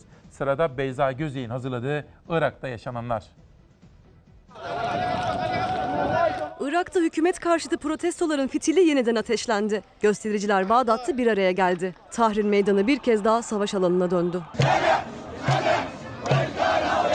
Geçen sene Ekim ayında başladı protestolar. İşsizlik, yolsuzluk ve kamu hizmetindeki yetersizliklerle binlerce insan hükümet karşıtı eylemlere katıldı. Güvenlik güçlerinin sert müdahalesiyle olaylar çığırından çıktı. 300'den fazla gösterici hayatını kaybetti. Dört gün önce Mustafa El Kazimi liderliğinde kurulan yönetim tekrar protestoların başlamasına sebep oldu. Tahrir meydanını dolduran kalabalık hükümet karşıtı sloganlar attı. Yeni hükümetin partiler arasındaki bölüşmeye göre seçildiği gerekçe gösterildi. Polis göstericilere göz yaşartıcı gazla müdahale etti. Daha önce koronavirüs sebebiyle ertelenen protestolar yeniden hız kazandı. İran güneyindeki kentlerin de benzer eylemlere sahne olduğu belirtildi. Fransa, İngiltere ve Almanya'dan da haberlerim var efendim. Şimdi Savaş Yıldız'la birlikte yerel gazete manşetleri üzerinden Türkiye turuna çıkacağız. Sonra Zafer Söken'le birlikte hazırladığımız yabancı gazetelerin manşetleri üzerinden dünya turuna çıkacağız. Bu sabah 3 arkadaşımın haberlerinden sizlere bahsetmiştim. Editörüm de Zeray Kınacı, onu da söyleyelim. Yönetmenimi söylemiştim. Dün de çok uzun uzun toplam bir buçuk saat gündem çalışmasını Nihal Kemaloğlu ile birlikte yaptık. Bütün ekip arkadaşlarım işte bugün de kameralarda Mümin var ve İsmail kardeşim var. Sesçimiz de bugün Ozan Pertez. Onu da söylemiş olalım. Ve işte şimdi biraz nefes aldık dediğimiz bu özel sabahta yerel gazeteler. Önce İzmir. Berberler kibarca zam yaptı. Artan dezenfektan maliyetini karşılamak için uymadıkları tarifeye artık uymak zorunda olduklarını belirten İzmir Berberler Odası Başkanı Bilgin, berberler kibarca zam yapmış olacak dedi. Zam değil de fiyat ayarlaması, fiyat güncellemesi diyelim efendim bu habere. Yozgat'a geçelim. Yozgat'ın çamlıklarındayız. Koronavirüsle mücadelede yeni dönem endişe verici bir tablo ortaya çıkardı diyor Yozgat gazetesi. Normalleşme mi, hastalığa davetiye mi demiş efendim. Hemen yanında Büyük Birlik Partisi Genel Başkanı Mustafa Destici'nin sözleri var. Çamlık TV'de konuşmuş ve Tarık Yılmaz'ın hazırlayıp sunduğu Yozgat gündemine konuk olmuş. Yozgat'a kalbi duygularımız var demiş BBP lideri. İskenderun'dan esin alacağız. Köy çocukları uzaya gidiyor. Bakalım neymiş. Yükseliş Koleji Bilim Kampüsü Genel Müdürü Aykut Davut Öktem, köy çocukları için harekete geçti ve proje başlattı. Hayatlarında köylerinden hiç çıkmamış çocuklar için bilim merkezini koronavirüsten hemen sonra ziyarete açacağız diyor Esin Gazetesi. Adana'ya geçiyorum. 5 Ocak Gazetesi uyuşturucuya geçit yok. Adana'da Emniyet Müdürü Zafer Aktaş'ın vermiş olduğu bilgiler ve 5 Ocak gazetesinin editörlerinin derleyip toparladıkları Adana'da uyuşturucuyla mücadelede yaşananlar birinci sayfada. Adana'dan Gaziantep'e geçelim. Fiyatlar uçtu. Maske krizi fırsata mı çevriliyor? Covid-19 salgını ile birlikte maske, maske talebinde ve kullanımında adeta patlama oldu. Maske üretiminde kullanılan kumaşın fiyatı astronomik bir şekilde arttı. Maske demişken hafta sonunda tabii pek çok haber kaynağımızla konuşuyoruz. Sizlere söylemiştim ya Koray Aydın'ı aradım mesela. Siz dedim teşkilatlara çok hakimsiniz. Ülkücü camiayı, milliyetçi kesimi, muhafazakar kesimi iyi biliyorsunuz. Ne oluyor dedim. Bana bir anlatın. Notlar aldım. İlginç açıklamaları var. Yeri geldikçe sizlere aktaracağım onlardan. Ama sonra Adana Belediye Başkanı'nı aradım. Zeydan Karalar'la konuştum. Hem eşinin de anneler günü kutladım. Pek çok başka kaynağımla yaptığım konuşmalardaki gibi. Hem de sorular sordum. Dedi ki İsmail Bey dedi biz bu işi ciddiye alıyoruz. O pandemi Sahra Hastanesi'ni biz tedbir olarak yapmıştık.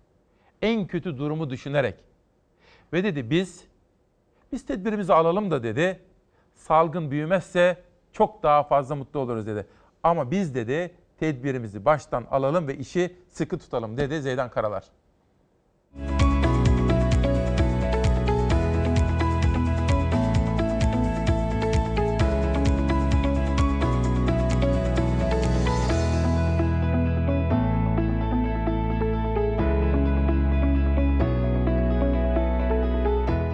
İster istemez alışverişe gelen insanlar sosyal mesafe uymuyorlar.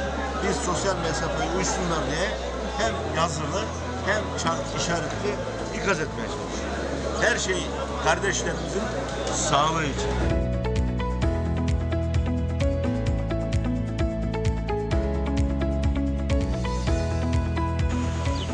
Maske takdim edin. Adana Büyükşehir Belediyesi. Biz ne zamandan beri maske bulamıyoruz. Tamam. Yok, Ee, yok maalesef. belediyemizi arayın. Evet. Biz tekrar size getiririz olur mu? Tamam. Allah Hadi bin kere razı olsun. Sağ olun. Sağ olun. Korona başladığından bu yana çok büyük bir efor sarf ederek bir sürü iş yaptık. Koli dağıtımı, sosyal yardımlar ilgili önemli kararlar aldık. 250 bin koli talebi geldi bize ve bugüne kadar 60 bine yakın koli dağıttık. Takdir edersiniz ki 250 bin koliyi 3 günde 5 günde dağıtmak mümkün olmuyor. Günde 5 bine çıkarttık koli dağıtımını. Emekli olan, çalışanı olan ya da bir başka yerden yardım alana sistem müsaade etmiyor. Ama onun dışındaki herkese kolileri en kısa sürede ulaştıracağız. Hem ulaşım hem su hem çiftçi kardeşlerimize ciddi yardımlar çıkaracağımızı ama bunun için de meclisi toplamak zorunda olduğumuzu söylemiştim. Dün meclisimizi topladık ve daha önce söylediğim gibi eğer 3 ay olursa %30-30-30, 2 ay olursa %50 suya indirim yapacağız sözünü vermiştim. Ve şimdi size dün müjdeyi verdik. Suyun en çok kullanılacağı Mayıs, Haziran, Temmuz aylarında her ay %35 olmak üzere 3 ay %35 indirim yaptık. Daha çok su kullandığınız aylar olacağı için sizin kazancınız daha çok oldu. Halk otobüslerine günde 15 litre, dolmuşlara günde 10 litre yakıt yardım yapıyoruz. Ve taksici kardeşlerimize ayda 40 litre yakıt desteği sağlama kararı aldık. 30 dönümden aşağı ekim eken çiftçilerimize daha önce söz verdiğimiz destek kararını meclislerimizden aldık. 10 metreden daha aşağı teknesi olan ve balığa çıkamayan balıkçı kardeşlerimize de 500 lira her birine destek çıkarttık. Bu zor günlerde yokluğu paylaşmak zorundayız. Biriz, beraberiz. Bu gönlüm hep sizinle birlikte sevgili kardeşlerim. Öyle dedi. Ben dedi ki ben ciddiye alıyorum bu meseleyi ama dedi ben tedbirimi alayım Adana için, halkımız için dedi. Ama salgın yok olursa bundan daha fazla memnun oluruz. Ama dedi tedbir almazsak ve tehlike büyürse, salgın büyürse o zaman korkarım ülkem için demişti. Bunu da sizlere özel haber olarak aktarmış olayım. Nurettin Bey diyor ki İsmail Bey Allah aşkına söyle Mansur Yavaş ve Zeydan Karalar'dan bu performansı bekliyor muydun diyor. Güzel bir soru aslında. Ama ben sizlere sorayım. Siz bekliyor muydunuz efendim? Ne diyor? Zeydan Karalar ve Mansur Yavaş'tan bu per... Şöyle aslında bekliyordum. Çünkü hatırlarsınız İsmail Küçükkaya ile Demokrasi Meydanı'nda bu seçimlerden önce biz Türkiye turuna da çıkmıştık. Her zaman yapıyoruz ya. Ülkemizin nabzını tutuyoruz. Ve Demokrasi Meydanı diyoruz. Zeydan Karalar'ı da Hüseyin Sözlü'yü de almıştık. İkişer kere. Aynı şekilde Mansur Yavaş'ı da aldık. Rakibi Özhaseki'yi de ikişer kere. Özhaseki hatta ikinci kere kendi gelmek istemişti. Orada sorularımdan şöyle bir manzara çıkmıştı. Nurettin Bey'e bunu sorduğu için teşekkür ediyorum. Büyük projeler istemiyoruz. O zaman salgın falan yok. Salgın yok ama ekonomik sıkıntılar ve darboğaz vardı hatırlar mısınız? Demiştik ki halka kim uzanacak? Fakirin, fukaranın, garibin, gurabanın yanında kim olacak? Kim yardımlar yapacak? Kim kadınları istihdama sağ, sağlayacak? Onların istihdama katılımındaki engelleri kaldıracak. Kentleşme, kooperatifleşme, bunlar dayanışma. O nedenle Zeydan Karalar ve Mansur Yavaş'ın performansları beni şaşırtmıyor. Çünkü biz hep onlara ne dedik hatırlayacaksınız. Büyük, büyük, büyük projeler istemiyoruz. Hayır. halka dokunan, okumak isteyen çocuğun yanında olan, karnını doyuramayan çocuğa süt veren, ekmek veren sosyal belediyecilik istiyoruz biz demiştik.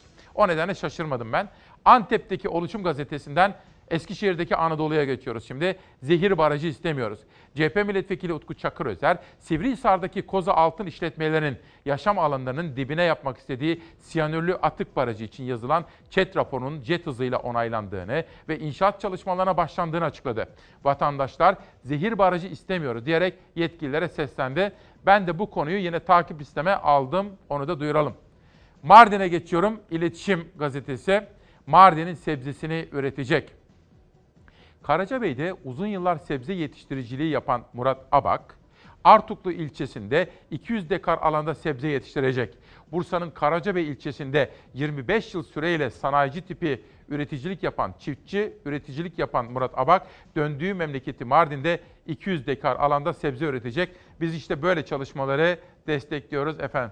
Bu arada Bursa Karacabey demişken Kadir dayımızı 80'lerindeki o yiğit delikanlı Kadir Şankaya'yı sevgiyle saygıyla selamlıyorum. Alanya, Alanya'da da bir başka tarım haberi.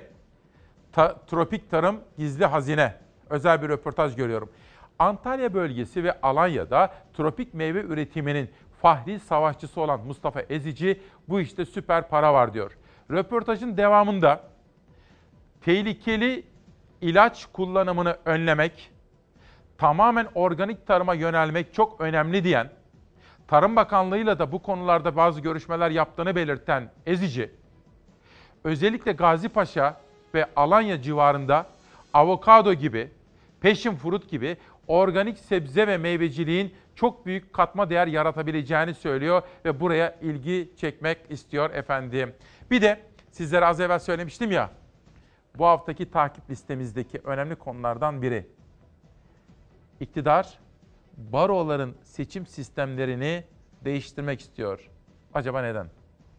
meslek kuruluşlarının seçim usullerinin yeniden belirlenmesiyle ilgili Bu tür meslek kuruluşlarının rekabete açılabileceği bir sistem getirilebilir. Avukatların ve baroların kendilerini ilgilendiren kanundaki düzenleme öncelikle avukatlara ve barolara sorulmalıyken avukatlar ve barolardan kaçırılarak yapılan taslak düzenleme yöntemi adil, hakkaniyetli ve doğru değildir. Baroların seçim sisteminin değiştirilmesiyle ilgili çalışmalara 50 ilin baro başkanından yanıt geldi. Ortak açıklamada sürece dahil edilmedik, böyle bir düzenlemeyi kabul etmeyiz denildi. Güçlü bir demokrasiye sahip olmanın ilk şartı tüm dünyada da kabul edildiği üzere hukuk devleti ilkesinin tüm kurumlarıyla işler halde olmasından geçer. Hukuk devleti ancak güçlü, bağımsız ve tarafsız bir yargı erkinin varlığıyla hayat bulur. Yaptığım çok yoğun görüşmelere, istişarelere, irtibatlara dayanarak söylüyorum. Çalışmanın amacının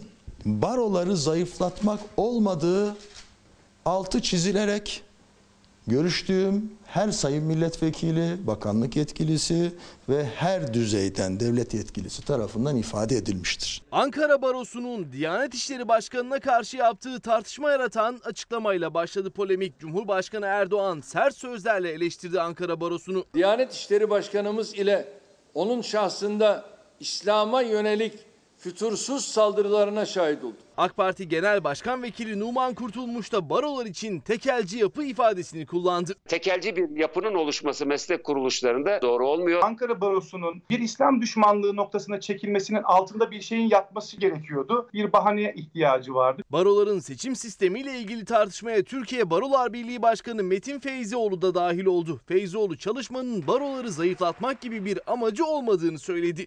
Çoklu baro önerisi kabul edilemez dedi. Esasen çoklu baro, alternatif baro, FETÖ'nün, PKK'nın ve DHKPC'nin hayalidir. Bir FETÖ projesi olduğu bilinen söz konusu tartışmaların odağındaki baroların yapısı ve seçim usulleri üzerinden yaratılan tartışmaların hangi demokratik gerekçelere dayandırıldığı, varılmak istenen sonucun ne olduğu izaha muhtaçtır. İstanbul, Ankara, İzmir ve Bursa gibi illerin baro başkanlarının da aralarında olduğu 50 ilin baro başkanından yeni açıklama geldi. Açıklamada düzenlemeyi ileri değil geri götüren düzenlemeleri kabul etmiyoruz denildi. Avukatlık kanunundaki mevcut düzenlemeyi daha ileriye değil, geriye götüren bir nitelik olduğundan bu girişimleri hiç kabul etmiyoruz.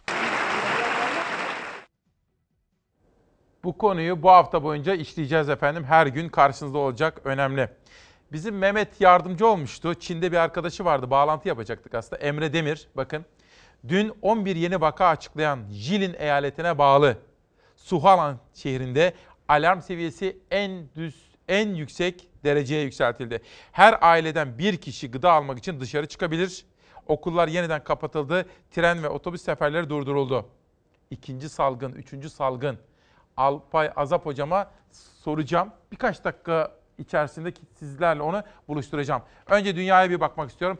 The Guardian gazetesi İngiltere Başbakanı Boris Johnson'ın bu kısıtlamaları kaldıracak yol haritasıyla ilgili olarak hem eleştirilere yer vermiş hem de özellikle hem okulların açılması, normalleşme takvimine ilişkin İngiltere'de İngiltere'nin bölündüğünü ve kafanın karıştığını söylüyor The Guardian gazetesi.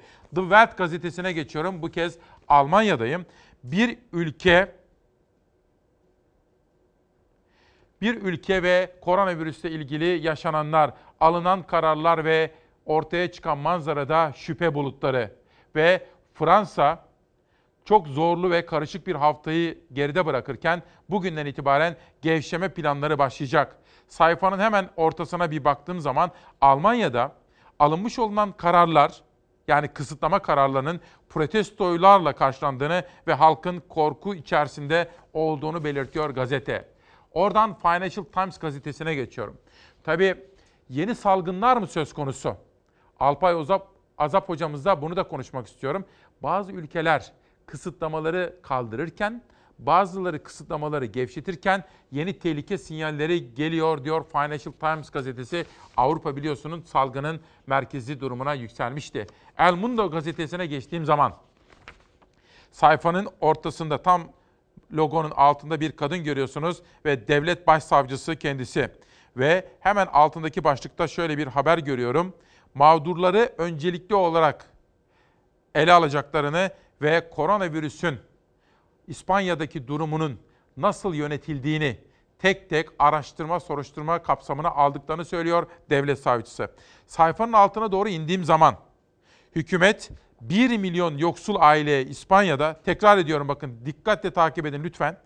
Hükümet İspanya'da 1 milyon yoksul aileye her birine 1015 euro olmak üzere kaynak aktaracak. Her bir yoksul aileye 1015 euro verecek diyor El Mundo gazetesi. Le Monde'a geçiyorum. Fransa'dayız bu kez. Fransa'da 11 Mayıs'a yani bugüne ilişkin belirsizliklere ilişkin bir haber dikkatimizi çekiyor. Fransa'nın, Fransa halkının bu önlemlerin gevşetilmesine ilişkin hazır olmadığını belirtiyor Le Monde gazetesi editörleri. Ve Le Monde'dan Independent'a geçiyorum. Fransa'dan İngiltere'deyiz. Özellikle sayfanın altında özellikle de ulaşım sektörü başta metrolar olmak üzere toplu ulaşımla ilgili olarak bu alınan kararların yani kısıtlamaların ve kısıtlamaların sonrasındaki gevşetmelerin özellikle de tekrar etmek isterim. Ulaşım altyapısıyla ilgili meydana getireceği manzaralara dikkat çekiliyor. Şöyle dünyadaki gelişmelere bir bakalım. Hemen dönüşte Bilim Kurulu üyesi Profesör Doktor Alpay Azap hocamla sohbet edeceğiz. İtalya ve İspanya'nın ardından Fransa tedbirleri gevşetiyor. Toplu ulaşım bugünden itibaren tekrar hizmete açılıyor. Salgının kontrolsüzce yayıldığı İngiltere'de Boris Johnson yol haritasını açıkladı. Johnson işe gitmek zorunda olmayanlara evde kalın çağrısı yaptı. Salgının hız kestiği Fransa'da normalleşme süreci başlıyor. Toplu ulaşım bugünden itibaren hizmete açılıyor. Fransız bakanlar Paris'te metro istasyonlarını ziyaret etti. Alınan tedbirleri yerinde gördüler. Hayatın normale dönmesi için çalışmalara başlayan Fransa'da sokaklarda ücretsiz maske dağıtımı başladı. Birçok ticari işletmeyle beraber güzellik salonları da bugünden itibaren açılıyor. İlk zamanlar salgına karşı tedbir almayan İngiltere'de virüs hızla yayıldı. İngiltere vaka sayısında Amerika'dan sonra ikinci ülke konumuna geldi. Virüsten hayatını kaybedenlerin sayısı 32 bine yaklaştı. Başbakan Boris Johnson yol haritasını canlı yayında anlattı. Johnson karantina uygulamaları devam edecek dedi. Sadece evden çalışması mümkün olmayan insanların işe gitmesine izin verildi. Spor yapmak içinse insanlar günün her saati tek başlarına olmak şartıyla çıkabilecek. Park ve bahçelerde de sadece birlikte yaşayan insanların vakit geçirmeleri serbest olacak. Ticari işletmelerin ve okulların kademeli açılması için de Johnson 1 Haziran'ı işaret etti. Karantina tedbirlerini kaldıran Almanya'da virüsün yayılma hızı tekrar arttı. Okulların, ticari işletmelerin çoğunun bugün açılması bekleniyor ancak artan vakalarla Merkel yönetiminin tedbirleri tekrar sıkılaştırması bekleniyor. Öte yandan Berlin ve Stuttgart'ta binlerce insan tedbirlerin kaldırılması için protesto düzenledi. Kısıtlamaların yeniden devreye sokulmasıyla protestolarda da artış yaşanacağı düşünülüyor. Sizlere cuma günü söz vermiştim. Bugün işte Çalarsat gazetesini Dilek çizdi, Dilek Zehir. Çalarsat gazetesinde e, Adrasan'dan yola çıkarak Olimpos'a gittik. Bu konuda bize yardımcı olan arkadaşlarımız var. Duygu Demirdağ başta olmak üzere ve Kadir abimiz orada. Pek çok başka isimden, belediye başkanından görüşler var, çevre dostlarından ve Çalarsat ailesi bu konuya duyarlı. Hafta sonunda Mehmet Ersoy'un da açıklamaları vardı bu konuda. Bazı sit alanlarının statüsü birden üçe çekildi. Ahşap yapılaşmanın önü açıldı. Tabii kamuoyunda muazzam bir duyarlılık var bu konuda. Ancak bakan da bu duyarlılığın farkında ve hiçbir şekilde orada ranta dayalı betonlaşmaya izin verilmeyeceğini söyledi. Bizler için çevre halkıyla, doğal hayatı savunanlarla konuşan arkadaşlarımız bizi bilgilendirdiler. Bölge halkı da seviniyor şu anda. Çünkü betonlaşmanın değil de ahşap yapılaşmanın organize edileceğine dair bir haberler geldi efendim. Onu da biraz sonra haberlerini sizlere aktaracağım. Şimdi Cuma günü müydü ya Perşembe ya Cuma Alpay Azap hocamı aradım. Hocam nasılsınız, nasıl gidiyor dedim. Biraz notlar almak istedim. Sonra dedim ki hocam pazartesi bizi aydınlatır mısınız? Seve seve dedi, sizi kıramıyoruz dedi. Alpay Azap hocamız şimdi bilim kurulu üyesi ve canlı yayınımızda. O Ankara'da. Hocam günaydın. Hoş geldiniz Ankara İsmail Nasılsınız? Bey. Hoş bulduk. İyiyim. Teşekkür ederim. Sizler de iyisinizdir umarım. Sağ olun. Çok teşekkür ederiz. Hocam şimdi sizinle bu salgın ilk başladığında ilk bağlantıyı biz yapmıştık. Telefonla bağlantı yapmıştık. Hı hı. Ve o gün bugündür siz Türkiye'ye en fazla güven veren isimlerin başında geliyorsunuz. Tabii bilim kurulu çok iyi çalışıyor. Sağlık Bakanı iyi organize ediyor ve güven veriyor doğrusu. Ben kendisine güveniyorum bu konulardaki gelişmeler için. Fakat tabii büyük bir olayla karşı karşıyayız. Artılarımız var, Doğru. yarımlarımız var, eksilerimiz var, hatalarımız da var. Ama başka büyük hata yapmayalım diye de tek tek size bugün mesela AVM'leri sormak istiyorum. Mesela berberleri sormak istiyorum. Oteller, turizme gideceğiz deniliyor. Futbol Federasyonu ligleri başlatacak deniyor. O kadar çok konuyu merak ediyorum ki. Önce size sormak istiyorum. Geldiğimiz noktayı baştan itibaren şöyle kısacık bir özet yapar mısınız? Şu anda hangi noktadayız? Ee, aslında e, şu an itibariyle salgının inme e, kolundayız. E, Hızlı bir tırmanma yaşadık. Birkaç hafta boyunca vaka sayılarının çok hızlı arttığı ve 11 Nisan'da da tepe yaptığı bir dönem vardı. 11 Nisan'dan sonra küçük bir plato çizdikten sonra şimdi salgın e, artık yavaşlamaya, yeni vaka sayısı her geçen gün biraz daha bir önceki günden az olmaya başladı. Biz buna salgının inen kolu diyoruz. Ancak halen salgının kontrol edildiği döneme girdiğimizi söyleyemiyoruz. E, Zaten salgınlarda şöyle bir şey olur. Tırmanış çok daha hızlı olur. Yani tırmanma ayağı salgının daha dik bir eğri şeklindedir. Daha sonra e, kontrol altına alınırken daha yavaş yavaş bir düşüş izlenir. E, Bizim tahminlerimiz e, 15 Mayıs'tan sonra hatta bu süre belki 18-19 Mayıs'ı belki 20 Mayıs'ı da bulabilir. 5. ve son aşama dediğimiz salgının artık kontrol altında olduğunu söyleyebileceğimiz bir aşamaya girmeyi bekliyoruz. Bu aşamada yalnız e, bittiği anlamına kesinlikle gelmiyor. Sadece kontrol altında olduğunu, yeni vaka sayılarının ülke genelinde düşük, muhtemelen iki basamaklı rakamlar yani 50'li 60'lı belki daha da düşük rakamlarda olduğu, hala bizim tek tük diyebileceğimiz tıp dilinde sporadik diyoruz veya bazı bölgelerde yoğunlaşmalar şeklinde ama çok fazla olmayan bir vakayla karşılaşmayı bekliyoruz. Bu salgının normal eğrisi. Ama şimdi biz bunu böyle anlatınca İsmail Bey şöyle Evet. bir anlayış oluyor insanlarda. Pek çok ülkede de bu e, eğri böyle çizildi. Artık herkes o grafikleri hatırlıyor. Zannediliyor ki bu salgının doğal seyridir. Yani bu zaten tırmanır, tepeye ulaşır sonra kendiliğinden aşağı doğru iner. Hayır aslında tırmanması evet kendiliğinden oluyor belki ama aşağıya doğru inmesi tamamen alınan önlemler sayesinde oluyor. Dolayısıyla sizin de haberlerinizde vardı birkaç gündür hep izliyoruz. Evet. Bu önlemler gevşetilmeye başladığında tekrar o aşağıya doğru inmekte olan eğrinin e, sabitlendiğini hatta yukarıya doğru dönmeye başladığını işte ikinci dalga diye tarif edilen yeniden yükselme aşamasına girmesi söz konusu olabilir. Yani bu bir doğal seyir değildir. Salgının bu şekilde azalıyor olması tamamen alınan tedbirlerin bir sonucudur. O yüzden de bu tedbirleri doğru bir şekilde gevşetebilmek çok çok önemli. Ve zaten işin zor yanı da bu. Peki. Hani salgını e, kontrol için sıkı tedbir almak daha kolay ama gevşetmek gerçekten zor. Tüm ülkeler gördüğünüz gibi epeyce zorlanıyorlar bu konuda. Sevgili hocam, biz tabii sorumlu yayıncılık anlayışı gereği bu meseleye tamamen siyaset üstü bakıyoruz. Halkımıza korku vermemeye ama onlara durumun ne kadar ciddi olduğunu anlatmaya çalışıyoruz. Çünkü sizlerden öğrendiğimize göre yeniden bu iş tırmanabilir eğer biz hata yaparsak. Bizim anlayamadığımız, tabii doğru uygulamalar var onları destekliyoruz ama anlamakta zorluk çektiğimiz bir husus var. Size sormak istiyorum doğrudan. Hocam, parlamento kapalı. Hafta sonlarında sokağa çıkmıyoruz. Fakat bu AVM'ler niye açılıyor Allah aşkınıza? Aslında şimdi şöyle bakmak lazım herhalde. Ee, Zaten hani e, AVM'ler bir e, düzenlemeyle kapatılmış değil. AVM'lerin içerisinde bulunan bazı işletmelerle ilgili genel kurallar o AVM dışındaki işletmeleri de ilgilendiriyor sonuçta. O kurallar nedeniyle işte restoranlar, kafeler, e, barlar gibi buralar zaten kapalı, sinemalar gibi.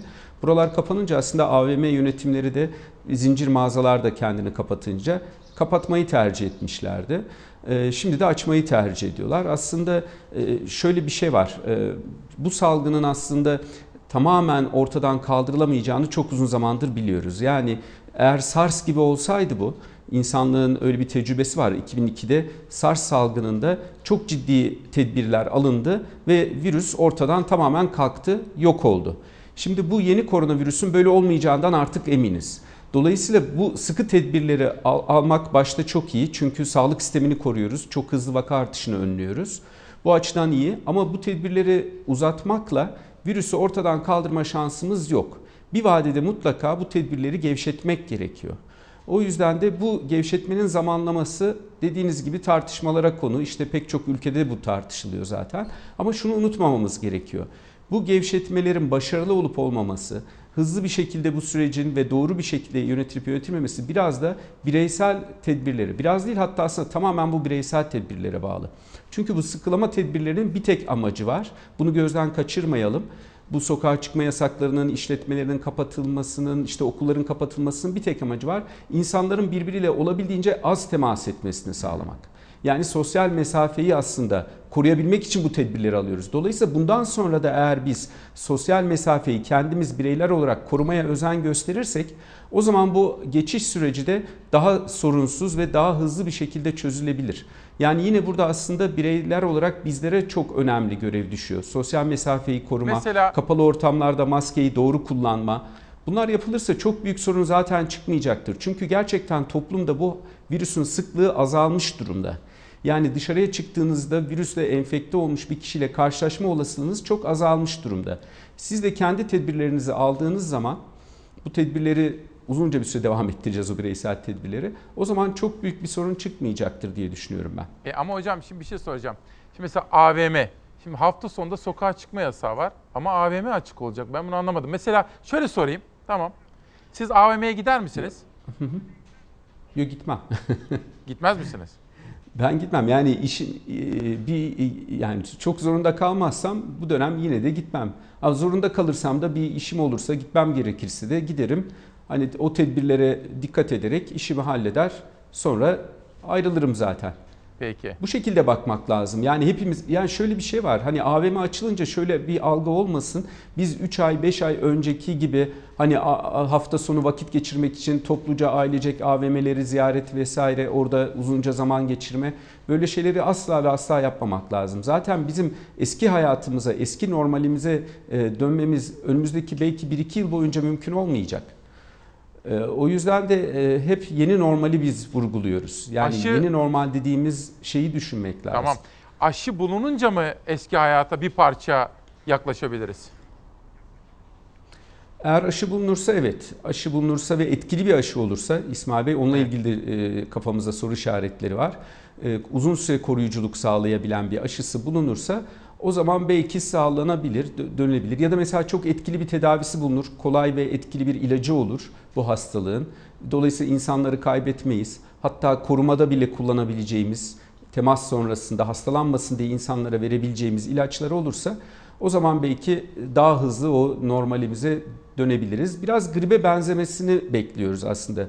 Grip virüsü biliyorsunuz her sene dolaşıyor aramızda. İşte kış aylarında e, artan sayıda hastalık yapıyor. Yaz aylarında azalıyor. Yine altta yatan ağır hastalığı olan bazı kişilerde öldürücü de olabiliyor grip. Ama aşısı var, ilacı var.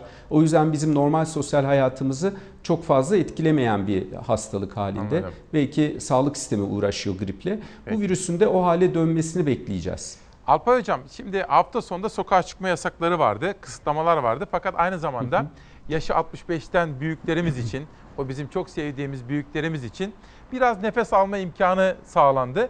Fakat şimdi bu güzel. Zaten bu sabahki manşetimizde biraz nefes aldık oldu. Fakat arkadaşlarım görüntülere ulaştılar. Gece saatlerinde, gece 12 ya, pazardan pazartesiye geçtik. Hı hı. Taksim Meydanı nasıl böyle ana baba günü özellikle. Bu kararları da bir değerlendirir misiniz rica etsem?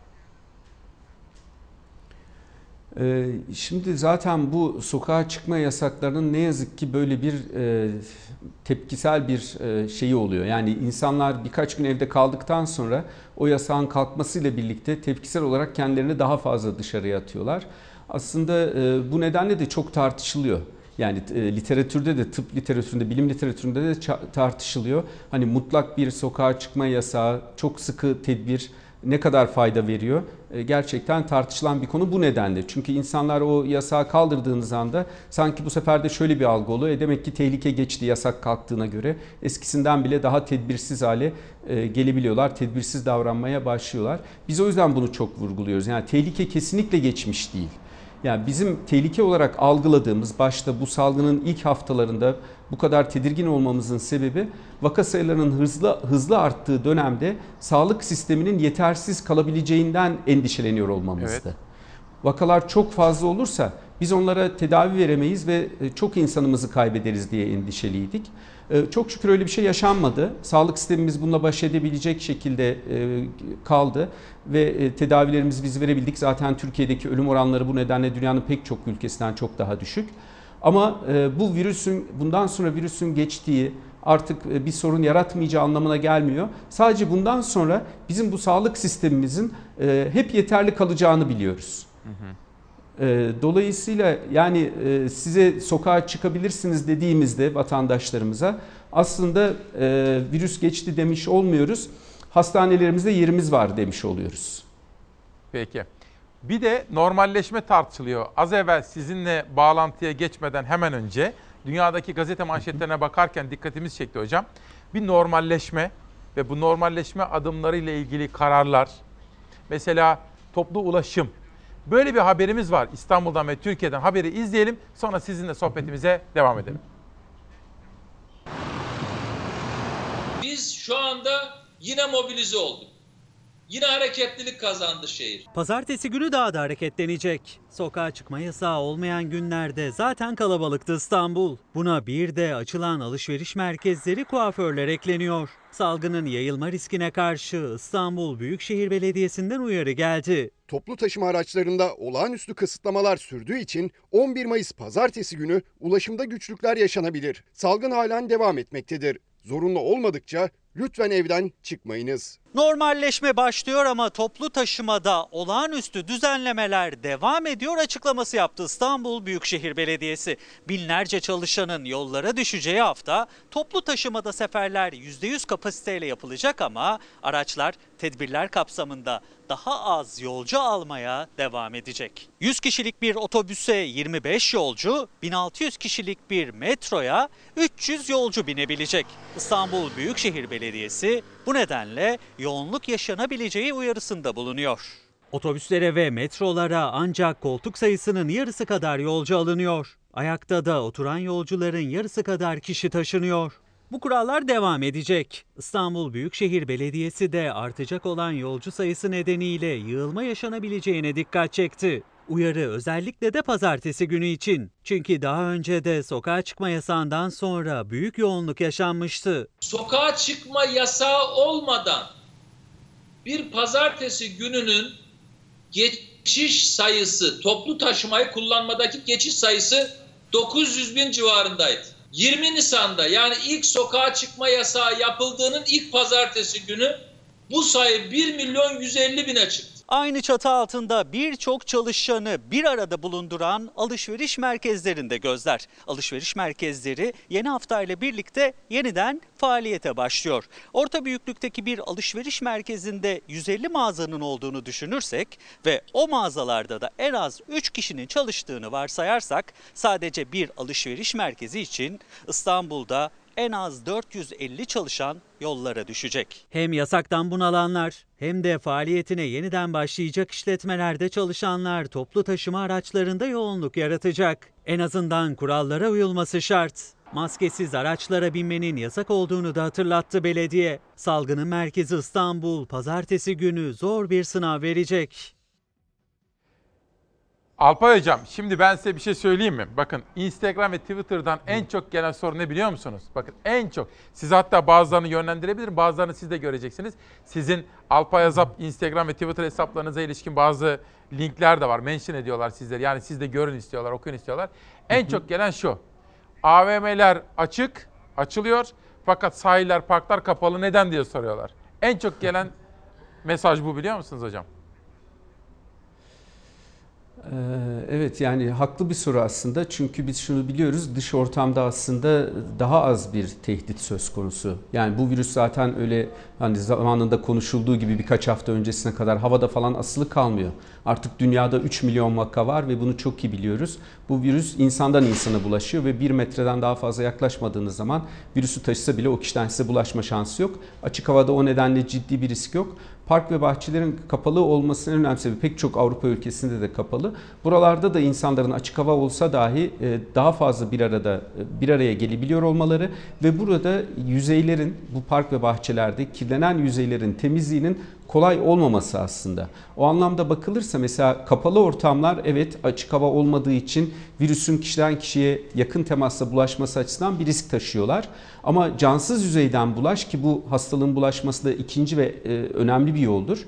E, cansız yüzeyden bulaşı iç ortamlarda kontrol etmek daha kolay kirlenen yüzeyleri daha sık temizleme şansınız var. Ama parklarda, bahçelerdeki yüzeylerin, insanların ellerini değdikleri yerlerin e, ne kadar e, sıklıkla temizlenebileceği tabii tartışma konusu. Bunu yapmak da mümkün olmayabilir. E, Biraz bu, bu nedenle yapılmış bir şey ama yakın zamanda onunla ilgili gevşetmeler de söz konusu olabilecek. Yine biliyorsunuz hani tek başına olmak kaydıyla pek çok ülke artık yani bir arada yürümemek, bir arada faydalanmamak kaydıyla tek başına olmak kaydıyla park ve bahçeleri açtı. Güzel. Sahillerle ilgili de öyle bir serbestlik gelecektir Tamam. e, diye düşünüyorum ben. Hocam şimdi Ramazan'dayız. Mübarek Ramazan ayındayız ve iki hafta sonra bayram. Bağlantımız ne Hı hı. oldu? Heh. Peki. Alo, duyuyorum. Şimdi pardon hocam. Şimdi bir, bir- bir teknik bir şey oldu da ne olduğunu ben anlamadım. Şimdi iki hafta sonra Ramazan bayramına geçeceğiz. Bayramını kutlayacağız. Orada ne yapacağız? Onu bir anlatır mısınız bu konuda? Ee, Şimdi orada da aslında e, insanlar arası teması azaltmamız ve e, sosyal mesafeyi korumamız gerekiyor.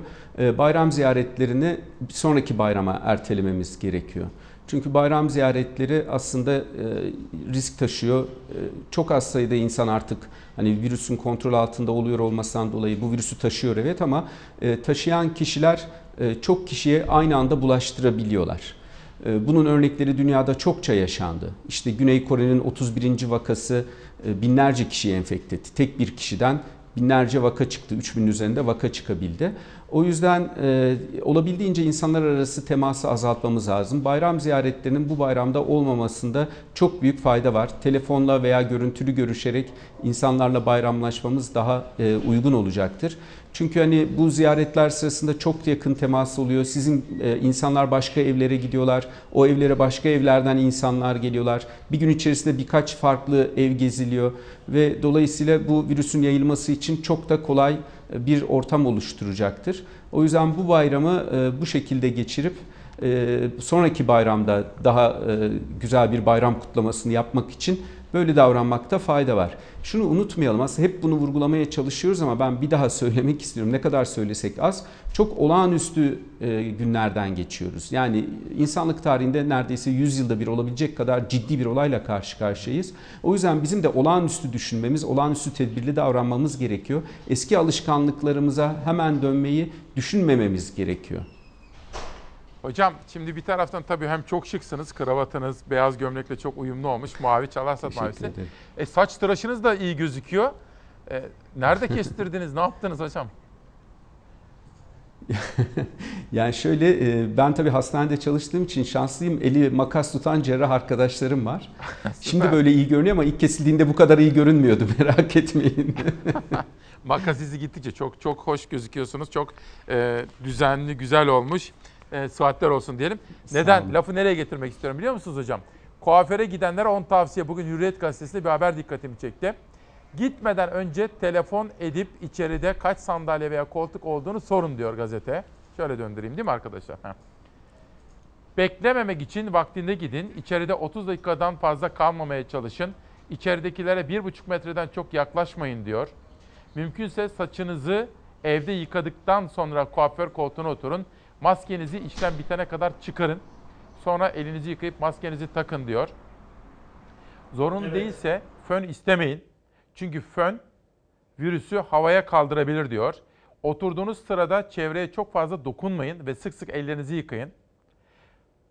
Ağda sırasında mesafe kuralı geçerli olamaz. Mümkünse bunu yaptırmayın. Makyaj gibi işlemler yakın temasa yol açtığında mesafe geçerli olmuyor. Dikkat! Kuaförler gerekli hallerde filyasyon başlatmak için gelen müşteriyi kaydetmeli diyor. Ve biz de bunu Profesör Doktor Albay Alpay Azap hocamıza soralım. Hocam berberler, kuaförler açılıyor. Şimdi randevular da alınmaya başlandı. Siz ne söylemek istersiniz bu konuda? Evet şimdi aslında belki berberler ve kuaförler AVM'lerden de daha riskli yerler. E, Çünkü daha küçük ortamlar ve peş peşe müşteriler aynı küçük ortamı kullanıyorlar. E, Çok yakın temas e, söz konusu. O yüzden sizin orada anlattığınız tedbirlere ek olarak da bazı tedbirler var. E, Bizim bilim e, danışma kurulumuzun e, toplumda pandemi yönetimi alt kurulu bununla ilgili güzel dokümanlar hazırladı.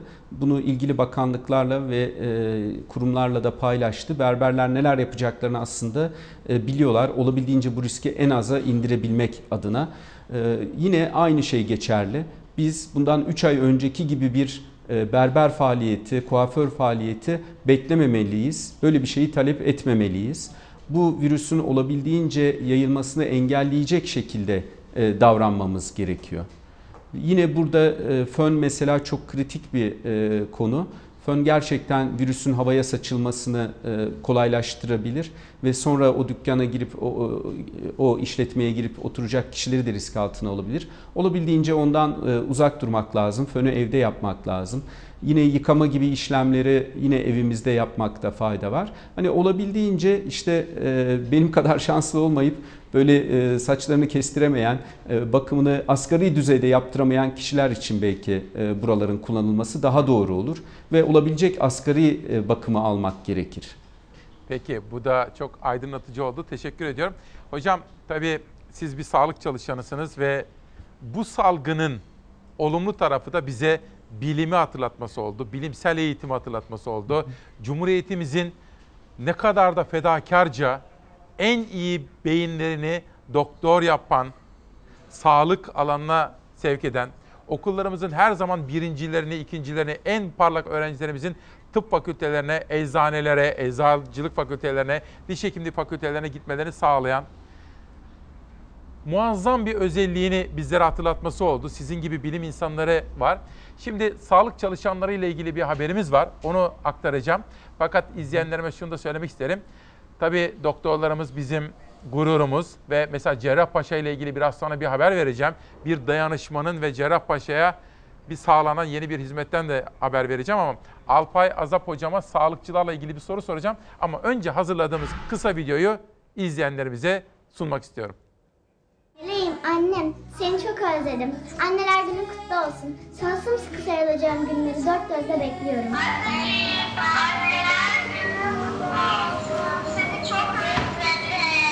Ben de sizi çok özledim. Türkiye'nin dört bir yanında onların yürekleri doktor, hemşire, sağlık çalışanı anneleri için attı. Annelerinin de günlerdir öpüp koklayamadıkları evlatları için. Koronavirüse karşı fedakarlıkla savaş veren sağlıkçı anneler bu özel günde de görüntülü konuşabildiler çocuklarıyla.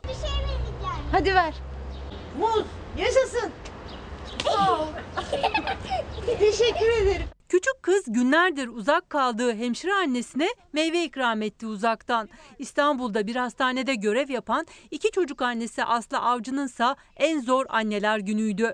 5 yaşındaki kızı 39,5 derece ateşle evde yatıyordu. Ama genç anne başka hastalar için görevinin başındaydı. Ağrıyor mu karnın hala? Sabah bana şey diyor mesela telefonda. Hani senin hastalarına başka bir arkadaşın baksa, senin de hastan var evinde. Sen de gelip bana baksan olmaz mı? O sağlam ellerde, anneannesinde ama buranın da bize ihtiyacı var. Hastanenin belirlediği ev ya da otellerde kalıyor sağlık çalışanları. Bu yüzden uzaktan görüyorlar çocuklarını. Adana'daki Kader hemşire de kızıyla cep telefonuyla hasret giderdi. Aşkım. Ben de seni çok özledim. Nasılsın anneciğim? İyi misin? En çok bir araya gelmeyi özledim. Hani bir tek çocuklarım yok. Anne babam da var benim. Konya'da bir hastanenin acil servisinde sağlık memuru olan Raziye Sürgit. O da 40 gündür iki çocuğunun özlemiyle yanıp tutuşuyor. Anneler gününde kaldığı otel odasından hasret giderdi iki yavrusuyla. Anneciğim ben oteldeyim. Bir ay oldu ben sizi görmüyorum. Hatta bir ayı da geçti. Dersler nasıl gidiyor?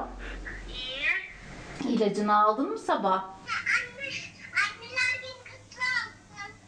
Teşekkür ederim anneciğim. Birlikte değiliz ama ben sizi çok seviyorum. Ben çocuklarımdan ilk defa bu kadar uzun ayrı kaldım. Hiçbir şey dokunmanın yerini tutmuyor.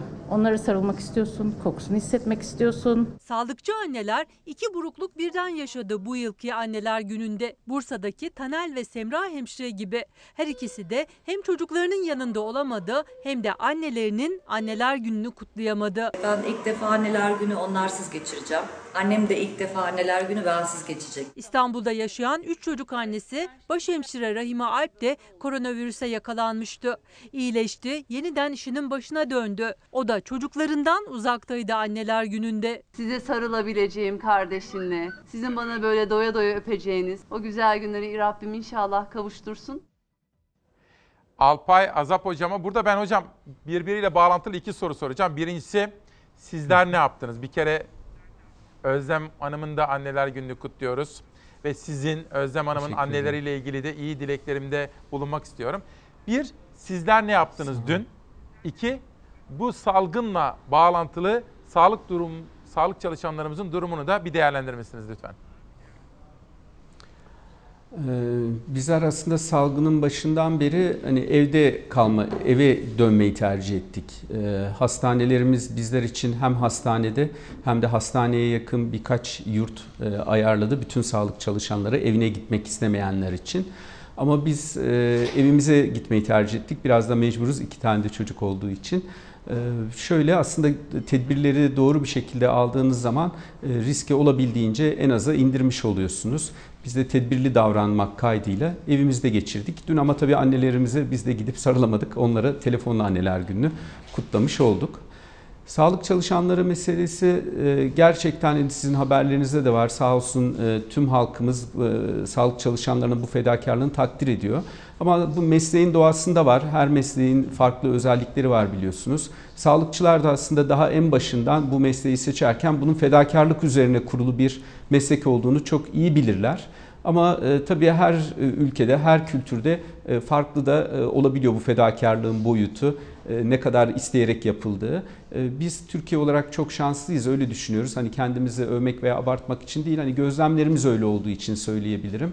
Gerçekten biz de bu sürecin en başından beri hastanede çok hasta takip ettik. Bütün sağlık çalışanları sadece hemşireler, hasta bakıcılar, hekimler değil bakın hastanenin mutfağından çamaşırhanesine kadar çalışan herkes bu hastalar için en iyisini nasıl yapabilirim endişesiyle kendi sağlıklarını da yeri geldi riske atarak e, ellerinden geleni yapmaya çalıştılar ve e, sonuçta da iyi bir performans gösterdiğimizi düşünüyoruz. Bu rakamlardan da belli. Ancak şöyle bir risk de söz konusu. Bu süreç çok uzarsa bir miktar yorgunluk oldu çünkü. Yani hem psikolojik hem fiziksel yorgunluğu var sağlık çalışanlarının. O yüzden bu yoğun sürecin sönümlenmesi çok kritik. Sağlıkçıların kendini tekrar yenileyebilmesi, dinlenebilmesi, motive etmesi için. Burada da o yüzden özellikle insanlarımızdan, vatandaşlarımızdan çok rica ediyoruz. Kendilerini çok iyi korusunlar. Hmm. Olabildiğince hastalanmamaya çalışsınlar. Bir kişi çünkü kendini koruduğu zaman sadece kendini değil etrafındakileri de bu hastalıktan korumuş oluyor ve sağlık sistemini de korumuş oluyor. Sağlık sistemimiz bir yandan da çünkü şöyle bir sıkıntı da var. Pek çok önemli hastalık ertelendi. Bu süreçte hastaneler bütün gücüyle bu koronavirüs hastalarını hayata döndürmek için çalıştı. Öyle yaptık. O nedenle bazı sağlık sorunları ertelendi. Şimdi önümüzdeki haftalarda, aylarda bu ertelenen sağlık sorunlarıyla ilgilenmek gerekecek. Onlar da birikmiş durumda. O yüzden de koronavirüs ne kadar az olursa bizim açımızdan ve tüm toplumun sağlık durumu açısından iyi olur. Bir soru. Şimdi aklıma geldi. Hı hı. Test yaptırdınız mı siz veya eşiniz? Ee, eşim yaptırmadı. Ee, benim bazı şikayetlerim olmuştu hastanede çalışırken. Ee, benim alerjik astımım var. Hani mevsim geçtiği Geçmiş için olsun. ben e, alerjik astım olduğumu sağ olun e, söyledim ama e, doktorlarımı ikna edemedim arkadaşlarımı. Hayır size testi yine de yapalım dediler. Ben de test yaptırdım negatif çıktı benimki de. Çalışmaya olsun. devam ettim. Ben hani aralıksız çalışıyorum sağ tamam, olun. Geçmiş olsun. Hocam bir soru daha. Annelerimizi, babalarımızı arıyoruz ya. Hani evden çıkma anneciğim, evden çıkma babacığım. Tamam zor biliyorum ama sizi korumak için. Sizde bir şey yok ama biz mikrop taşıyabiliriz. Taşıyıcı belki semptom yok olmasa bile. Ama şu şimdi aklımıza takılan bir soru. Şimdi biz annelerimizi, babalarımızı gözümüzün nuru gibi koruduk.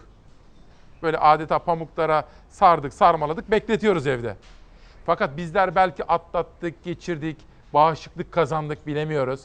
Fakat onlar hocam yarın bir gün dışarı çıktıklarında diyelim bir ay sonra e, bağışıklık da kazanmadılar. Bunu soracağım ama hafta sonunda meydana gelen o sokağa çıkma izni kısıtlı da olsa 3-4 saatlik de olsa olağanüstü görüntüler var. Haberi bir izleyelim. Dönüşte bu sorduğum soruyu yanıtlarsanız çok memnun olurum. 80 günü geçti bugün. 23 Şubat'tan beri ilk defa bugün sokağa çıkıyorum. Allah şahidim. Nasıl geçti? Vallahi sabırla geçti. Çok zor bir şeymiş. Mahzun kalmak her şeyden. Unutmuşuz. Ağrıdı bacaklarım. Zor yürüdüm. Çok şükür. Çok sıkıldık vallahi. O kadar sıkıldık ki yani. Şimdi sanki yeniden dünyaya çıkmış gibi oldum. Yeniden doğmuş gibi oldular. 21 Mart'tan bu yana sokağa çıkması yasaktı 65 yaş üstünün. 50 gün sonra ilk kez evlerinden dışarı attılar adımlarını. Güzel havada güneşli bir pazar gününde adımları önce yavaştı, zamanla hızlandı. Spor da yaptılar, hasret kaldıkları sahillerle de buluştular. İstanbul sokaklarında bu kez 4 saatliğine 65 yaş üstünün kalabalığı vardı. Normalleşme sürecinin ilk müjdesi olarak açıklanmıştı. 65 yaş üstündekiler 21 Mart'tan bu yana evdeler. Saat 11 ila 15 arasında pazar günü sokağa çıkabilecekleri duyurulunca saatlerde tam 11'i gösterir göstermez maskelerini taktılar ve meydanlara, evlerine yakın noktalara gelerek güzel havanın tadını çıkarmaya çalıştılar. Bu da 84 yaşında. O da hürriyetine kavuştu. Ben de hürriyetime karıştım. Hareketsiz vücut kalınca inan dizlerim ağrımaya başladı. Neler yaptınız? Börek. Pide, pide, pideyi bile yaptık. 11'e 10 kala hazır vaziyette kapıda bekledik 11 olunca attık kendimizi dışarı. Zor beklediler saatin 11'i göstermesini. Çünkü dışarıda geçirecekleri süre kısıtlıydı. 4 saati dolu dolu yaşamak isteyenlerden biri de 84 yaşındaki Metin Dokurdu. 50 günün sonunda sokakların eskisi gibi olmadığını görünce duygulandı. Çok üzgünüm. Neden? Hayalet bir şehir gibi olmuş. Gözlerim yaşarıyor. Hayvancıklar aç. Böyle bir şey görmedim. İlk defa gördüğüm için. Evdeyken fark edemedim ama çıktığımı pişman oldum. Maskeli böyle her şeyden çekinerek çok zor. Maskeleriyle sosyal mesafeye dikkat ederek eski dostlarıyla hasret giderenler oldu. Abilerim dedim ne oldu? Haber alamadım. Sizin için geldim de buraya. Emekli evinden hep arkadaşız. Öyle mi? Evet. Şimdi meydanda buluştuk o zaman hep beraber. Ne bende tansiyon var ne şeker hiçbir şeyim yok. Fakat tansiyonum çıkmaya başladı evde. Karar da bu yüzden alındı. Koronavirüsten korunurken başta kas ya da kemik erimesi olmak üzere farklı rahatsızlıklarla tanışmamaları için bazı kurallar da birkaç saatliğine 65 yaş üstü için esnetildi. Sahillerde yürüyüş yapmak 7 gün 24 saat yasak aslında ama 4 saatliğine 65 yaş üstü için bu kural gevşetildi. Günlerdir evde olan büyüklerimiz de ilk fırsatta güzel havanın tadını çıkarabilmek için sahillere geldiler. Yürüyüşle, hüzünle, özlemle sona eren 4 saatin tadı damağında kaldı 65 yaş üstünün. Talepleri yürüyüş izninin uzaması. Hanımefendi evde şimdi kavga ettik. Sabah akşam kavga. Ne yapacağız yani? Bütün gün o bak ona bak ben ona bak. Buzdolabına yemek ye. Şunu yap bunu ya. İnsan morali bozuluyor. Hasta oluyoruz. ya. Yaşımız geçti. Tansiyonum var, şeker hep şey oluyor. Hiç olmazsa bari haftada iki gün izin versinler. Üç gün izin versinler. unutulmaz manzaralardı. Alpay Azap hocama soracağım bilim kurulu üyesi fakat hocamıza ertelenmiş tedaviler için hastaneye gidelim mi, zamanı geldi mi diye soranlar, kızım kızım diş hekimine gitsin mi, telleri, diş teli kızımın dişinde kaldı diye soranlar, Emel Ceylan 3. oğlu gibi uçuşları soranlar, turizm, oteller, ligler o kadar çok soru var ki. Ama önce az evvel sorduğum soru. Büyüklerimizi evlerde izole ettik. Fakat yarın bir gün onlar dışarı çıktıklarında bağışıklıkta kazanmamış olacaklar. Ne yapacağız? Ee, Aslında çok güzel bir noktaya değinmiş oldunuz İsmail Bey. Bizim de ikinci dalgada en çok korktuğumuz bu grup.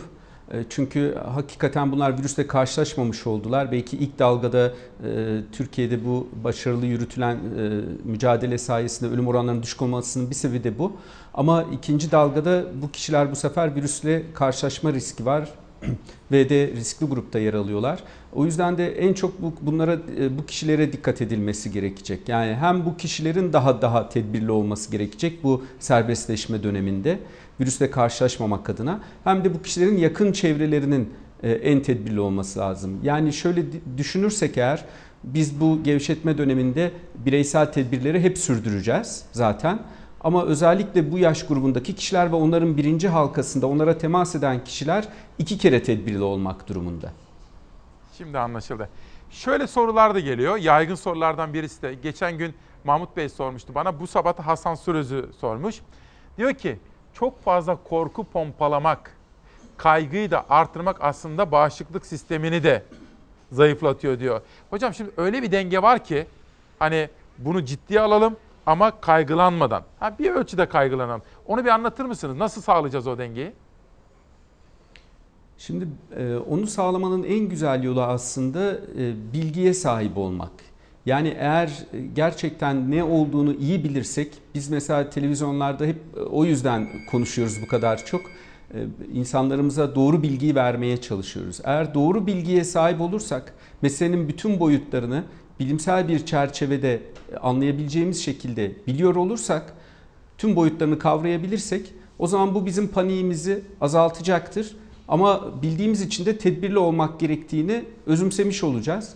E, Bunun yolu sadece bu diyorum ben. Yani panik yapmayacağız, tedbirli olacağız. Onu da doğru bilgiye ulaşarak yapabiliriz ancak. İyi ki sizler gibi bilim insanlarımız var, doktorlarımız var. Yani Cumhuriyetimize ne kadar teşekkür etsek azdır diyorum. Hocam bir reklam arasına gidelim. Okullarla ilgili çok soru geliyor. Okullar, eğitim hayatı ne olsun? Oteller açılsın mı açılmasın mı tatile gidelim mi Kültür ve Turizm Bakanı en azından otellerin yarısını açabiliriz diyor. Ligler başlayacak bu konulardaki de düşüncelerinizi merak ediyorum. Kısa bir reklam arasına gideceğiz efendim. Sonra bilim kurulu üyesi Alpay Azap hocamızla devam edeceğiz. Bu arada iki kitap tanıtımı yapalım. Basında bir ömür Ali Gençli yazmış ve imzalayarak bana göndermiş. Mahir Yeşildal, Ela Reyhanlıoğlu, Salgın Psikolojisi.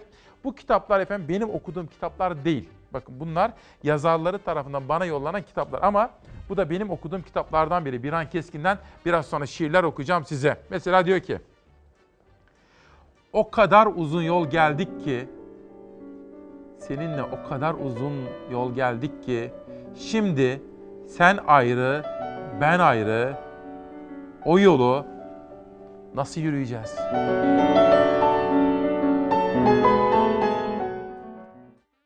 ...11 Mayıs 2020 sabahında İsmail Küçükkaya ile Mavi Bir Sabah'ta demokrasi yolculuğunda Profesör Doktor Alpay Azap hocamızla sohbetimizi sürdüreceğiz. Sizlerden o kadar çok soru geldi ki tabii hocamız güven telkin ediyor. İlk baştan itibaren hatırlar mısınız? İlk yayınımızda daha bu salgın başlarken kendisiyle bir telefon bağlantısı yapmıştık. Televizyonlardaki ilk bu konudaki açıklamasıydı. Hocamız çok güven telkin etmiş. Dolayısıyla o gelen soruları kendisine yöneltmek istiyorum. Hocam bir kere daha günaydın. Şimdi yaşı Günaydın. büyükler, özellikle benim tarlam var, bahçem var, gitmek, ekmek istiyorum diyorlar. Kısacık bir haber var. İzleyelim, sonra sizinle konuşacağız. Yazlığa göndersinler beni. Niye göndermiyorlar yani? Ve benim gibilerin çoğunu göndermeleri lazım ki e, yarın bayram geliyor. Herkesi birden salacaklar 65 yaşın üstünü. Havalar ısındı. Seyahat kısıtlaması nedeniyle büyük şehirlerde kalmak zorunda olanlar artık ayrılmak istiyor. Yazlığı olanlar yazlığına, köyü olanlar ise memleketine gitmek için yasağın gevşetilmesini talep ediyor. 77 yaşındaki Süleyman Çağ da Saros Körfezi'ndeki yazlığını daha güvenli buluyor.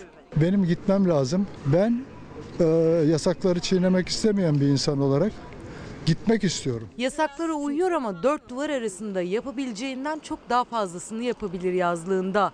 Yollar kalabalıklaşmadan özellikle 65 yaş üstüne yeni bir yazlık düzenlemesi yapılmasını istiyor. 50 gündür koronavirüs çıkalı. Evimizde böyle dönme dolap gibi dönüyoruz. Döne döne artık başımız döndü. Orada benim ufak tefek ağaçlarım var. Yapılacak bir sürü işlerim var. Yani oradaki e, zeytin ağaçlarım var. Bir de işinden gücünden uzak olanlar var. 75 yaşındaki İrfan Topçu gibi. Ben reçberim. Ekinlerime gübre atamadım. Traktör evde küflendi. Ben müsaade istiyorum. Topçu ekip biçtiği toprağına kavuşmak için gün sayıyor. Aslında İstanbul'a da birkaç günlüğüne gelmişti. Seyahat yasaklanınca Amasya'ya dönemedi. Aklıysa tek geçim kaynağı olan tarlasında. Ekinlerime gübre atılmadı. Meyvelerim çürüdü, hep mahvoldu. Traktör evde mahvoldu, araba evde mahvoldu. Bir haber alamıyorum memleketimden. Bana izin versinler. 50 gündür İstanbul'dan evine gitmek için mücadele eden Topçu toprağını ekemezse bu yıl onun için daha da zor geçecek. Biz köylüyük, ben köylü çocuğuyum. Köyde yaşıyorum ben. Bize bir müsaade etsin de gidelim de reçberliğimize bakalım. Biz ne yiyeceğiz, ne yapacağız? Benim kazancım ondan, çoluğum çocuğum onunla. Gerçekten insanın yüreğine işleyen, insanın yüreğindeki kulağıyla duyacağı haberler. Savaş Yıldız şu andan itibaren yönetmen koltuğunda. Savaş Ankara'ya gidelim ve Alpay Azap hocamıza soralım. Hocam sizinle ilk ne zaman bağlanmışız biliyor musunuz telefonda? 11 Mart'ta. Yani işin tam başında sizi yakalamışız biz, bağlamışız. Soru şu, bu sokağa çıkma kısıtlamaları, yasaklar filan sizce ne zaman kaldırılır? Ne zaman biraz daha böyle sokağa çıkma yasağı en azından kaldırılmış olur? Ee, İşte beşinci aşamaya geçmiş olmamız gerekiyor İsmail Bey. Yani salgının toplumda hızlı yayılmadığı, yayılımının çok sınırlandığı hatta kontrol altında olduğunu söyleyebileceğimiz aşamaya.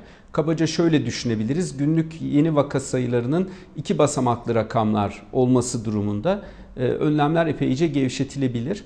Ama hep söylediğimizi bir daha söylemek durumundayız. Bu biraz da bize bağlı. Yani çünkü bu çok dinamik bir süreç. İşte pek çok ülke mesela gevşetmeden sonra vakalar artınca tekrar sıkılamaya dönüyor. Tekrar bu sıkılamalara dönmememiz için bizim bu gevşetme sürecinde bireysel olarak almamız gereken önlemleri çok titizlikle uygulamamız gerekiyor. Ee, Yoksa tekrar sıkılama önlemlerine başvurmak zorunda kalabiliriz. mesela bizi takip edenlerin akıllarına şu soru gelebilir. Okullar sizin söylediğiniz bu kapsamda eğitimle ilgili önerileriniz ne olabilir hocam? Ee, Şimdi okullar Haziran'a kadar kapalı. Ee, okullar önemli tabii çünkü çocukların e, yakın temasta olmasını engellemek kolay değil. Ee, özellikle küçük yaştakilerin kişisel hijyeni uygulamaları da e, kolay değil. O yüzden riskli ortamlar aslında. Ee, bu konuda bizim şöyle bir avantajımız var. Türkiye diğer Avrupa ülkelerine, Amerika'ya göre daha geriden geliyor bu salgında. O yüzden onların uygulamalarını görme şansımız var. Farklı ülkeler okulları açmaya başladı. Ee, değişik yöntemler uyguluyorlar. Ee, Belli sınıfları açıp işte sınıftaki öğrenci sayısını indirip öğrencilerin kimisi maskeyle derslerde bulunmasını sağlıyor. Kimisi maske de taktırmıyor örneğin. Ee, Onların e, sonuçlarını görme şansımız olacak önümüzdeki haftalarda. Ona göre en doğru kararı vermeye çalışacağız. Tabii kolay da değil yani dediğim gibi bu gevşetme kararlarını vermek çok zor. Ee, Çok doğru veriye ulaşmak ve çok doğru tahminler yapmak gerekir önümüzdeki haftalar açısından. Ama mutlaka kademeli olacaktır. Yani birdenbire hani hepsi birden açılması gibi bir durum büyük olasılıkla söz konusu olmayacak zaten. Peki. Bir de hocam ligler var. Tabii spor severler de bir taraftan bekliyor fakat bir taraftan da çok riskli. Hani sosyal mesafe kuralları, Evet. güvenli mesafe kuralları var. Bu salgınla ilgili potansiyel riskler var. Yeni dalgalardan korkuyoruz falan. Bunu da soracağım ama o gözümüzün nuru büyüklerimizle ilgili çok renkli bir haber hazırladık. Bir izleyelim. Sonra siz bize spor müsabakalarıyla ilgili görüşlerinizi, önerilerinizi anlatın lütfen.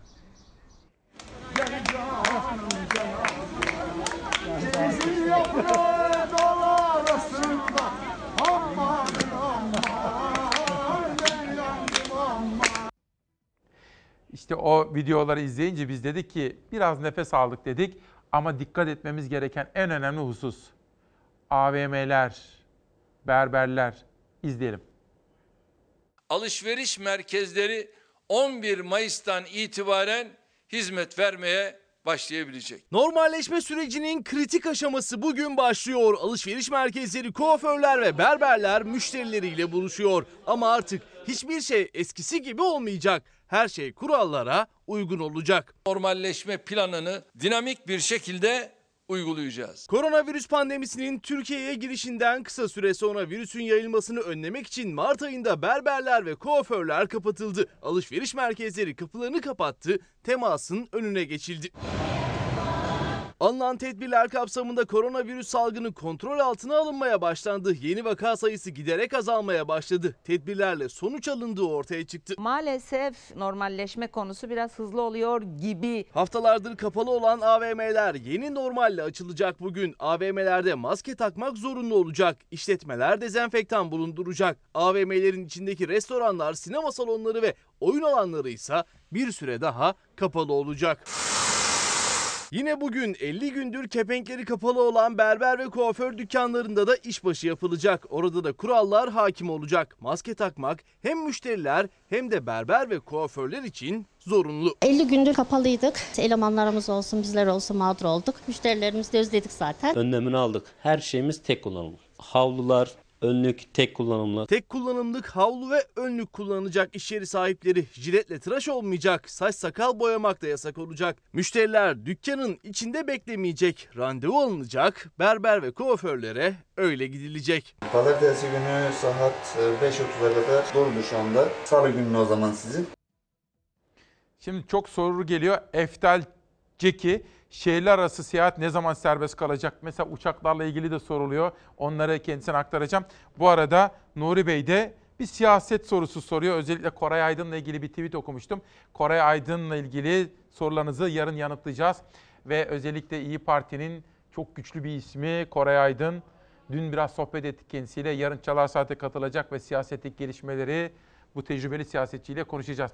Hocam şimdi ligler başta futbol olmak üzere Sağlık Bakanı ile Futbol Federasyon Başkanı görüştü. Bakan da dedi ki bütün sorumluluk bu kararı alan federasyonda dedi. Bu konuyu bir bize değerlendirir misiniz? Ligler, spor müsabakaları ne yapacağız? Nasıl olacak? Ee, Evet işte yani gevşetmenin zor konularından bir tanesi de bu gerçekten. E, Şimdi e, mutlaka gevşeme yapılırken bir önceliklendirme yapılması gerekiyor. Yani toplumsal yaşantı, sosyal, ekonomik yaşantıda e, en elzem olanları, e, en gerekli olan alanları öncelikle serbestleştirmekte fayda var. Her hepsini bir anda yapmaya kalktığınız zaman kontrol etmeniz çok zor olur. Vaka sayılarında bir artış gerçekleştiği zaman bunun nereden kaynaklandığını, hangi sektörden, nasıl kaynaklandığını anlamanız bile çok zor olur. Gerekli önlemleri almakta geç kalabilirsiniz. O yüzden de hep böyle aşamalı ve bir önceliklendirme çerçevesinde bu gevşetmenin yürütülmesi lazım. Spor müsabakalarında bu gözle bakmak lazım. E, açıkçası hani biz sadece televizyonda 11 kişiden oluşan iki takım futbol oynuyor. Açık havada çok büyük bir risk yokmuş gibi değerlendirebiliyoruz ama sonuçta futbol takımı dediğiniz zaman işte malzemecisinden fizyoterapistine, idarecisine kadar oldukça büyük bir ekipten bahsediyoruz. Kalabalık bir ekipten bahsediyoruz ve bunların sürekli seyahat etmeleri, birbirleriyle temas içerisinde olmalarının e, bir risk oluşturacağı muhakkak aslında. İşin kötü yanı şunu da çok bilemiyoruz. Bu e, koronavirüs salgını başlar başlamaz tüm dünyada bu e, müsabakalar iptal edildiği için örneğin sahada bir e, kişinin sporcunun enfekte bir sporcunun olması nasıl etkiler? Kaç kişiye bulaşma riski vardır? Nasıl bulaşır? Bunu önlemenin bir yolu var mıdır gibi bilgilerden de yoksunuz. Yani bilinmezlikler içeren bir alan. O yüzden de biraz daha temkinli olunması gerekir. Aslında federasyon da herhalde epeyce temkinli gidiyor. Yani öyle hemen Mayıs sonu açmak gibi bir niyetleri yok diye biliyorum ben ama bu konu içinde karar vermek için aslında zaman var biraz daha. Ee, salgının seyrini görüp e, biraz da bizden önceki ülkeler mesela Almanya kararlı, Almanya e, açacak gibi görünüyor ligleri, başlatacak gibi görünüyor.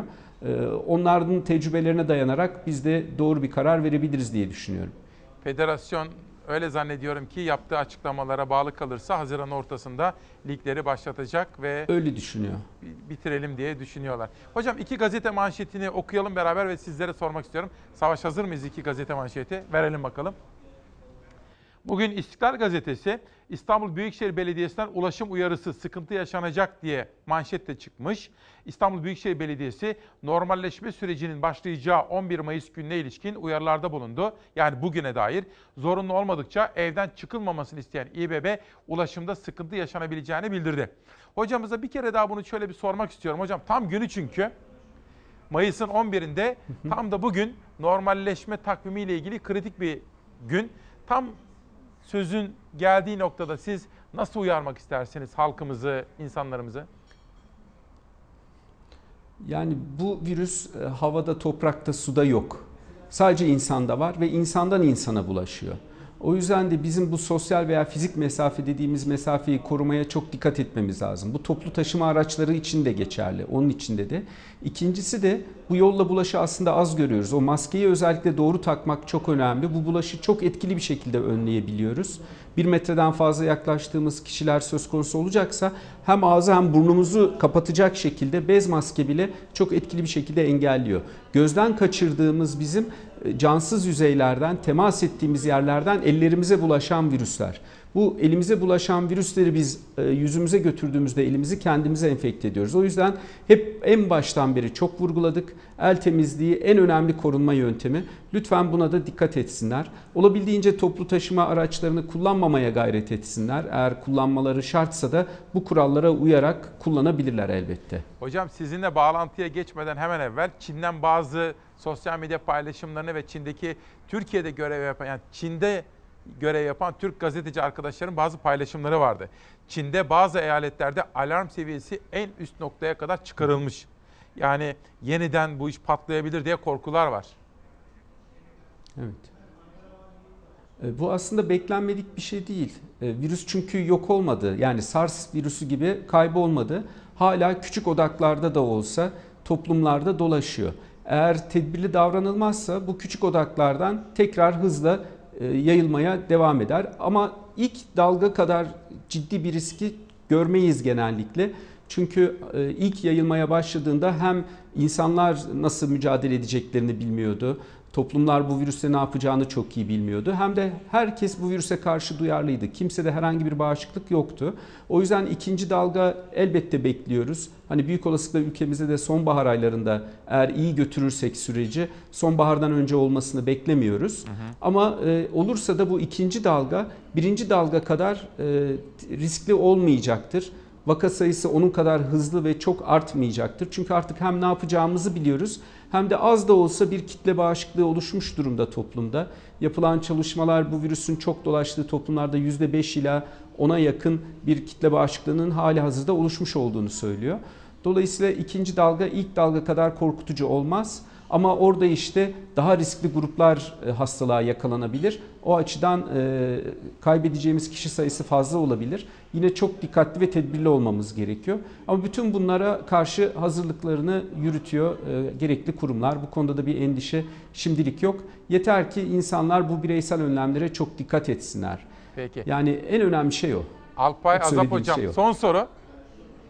Dün Buyurun. Kültür ve Turizm Bakanı açıkladı. Bu sezon dedi gerekli önlemleri alarak sertifikasyonu da yaparak yani işte şu otelde bu önlemler alındı, sağlık sistemimiz bu tedbirleri aldı gibi sertifikasyon kurallarına da uyarak en azından otellerin yarısını açmak istiyoruz dedi.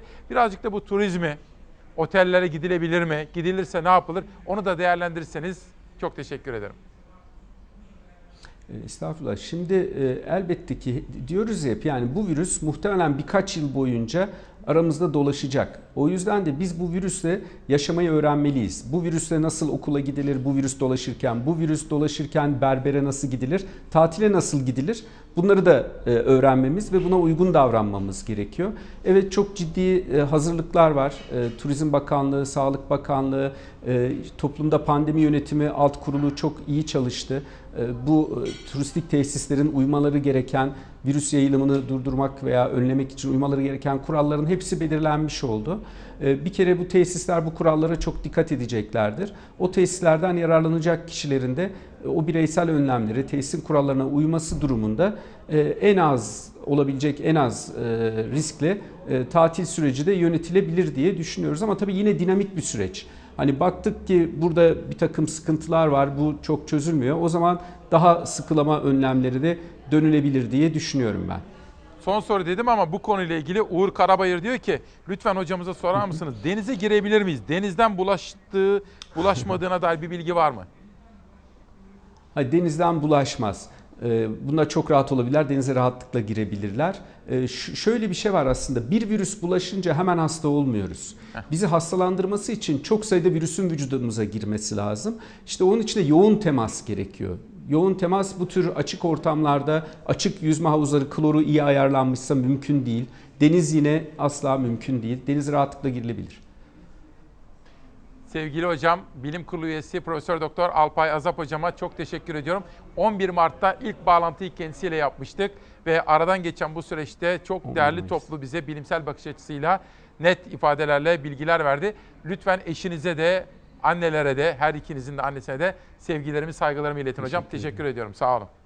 İlet Evet şimdi Çalar Saat gazetesinin manşetleriyle devam edeceğiz. Biraz nefes aldık. Cuma günü hatırlayacaksınız. Nihal Kemaloğlu'ndan bir mesaj almıştım. Bazı haber linkleri vardı. O sırada yayındaydım göremiyordum. Ve editörüm Zera ile konuştuk. Takip listemizi aldık.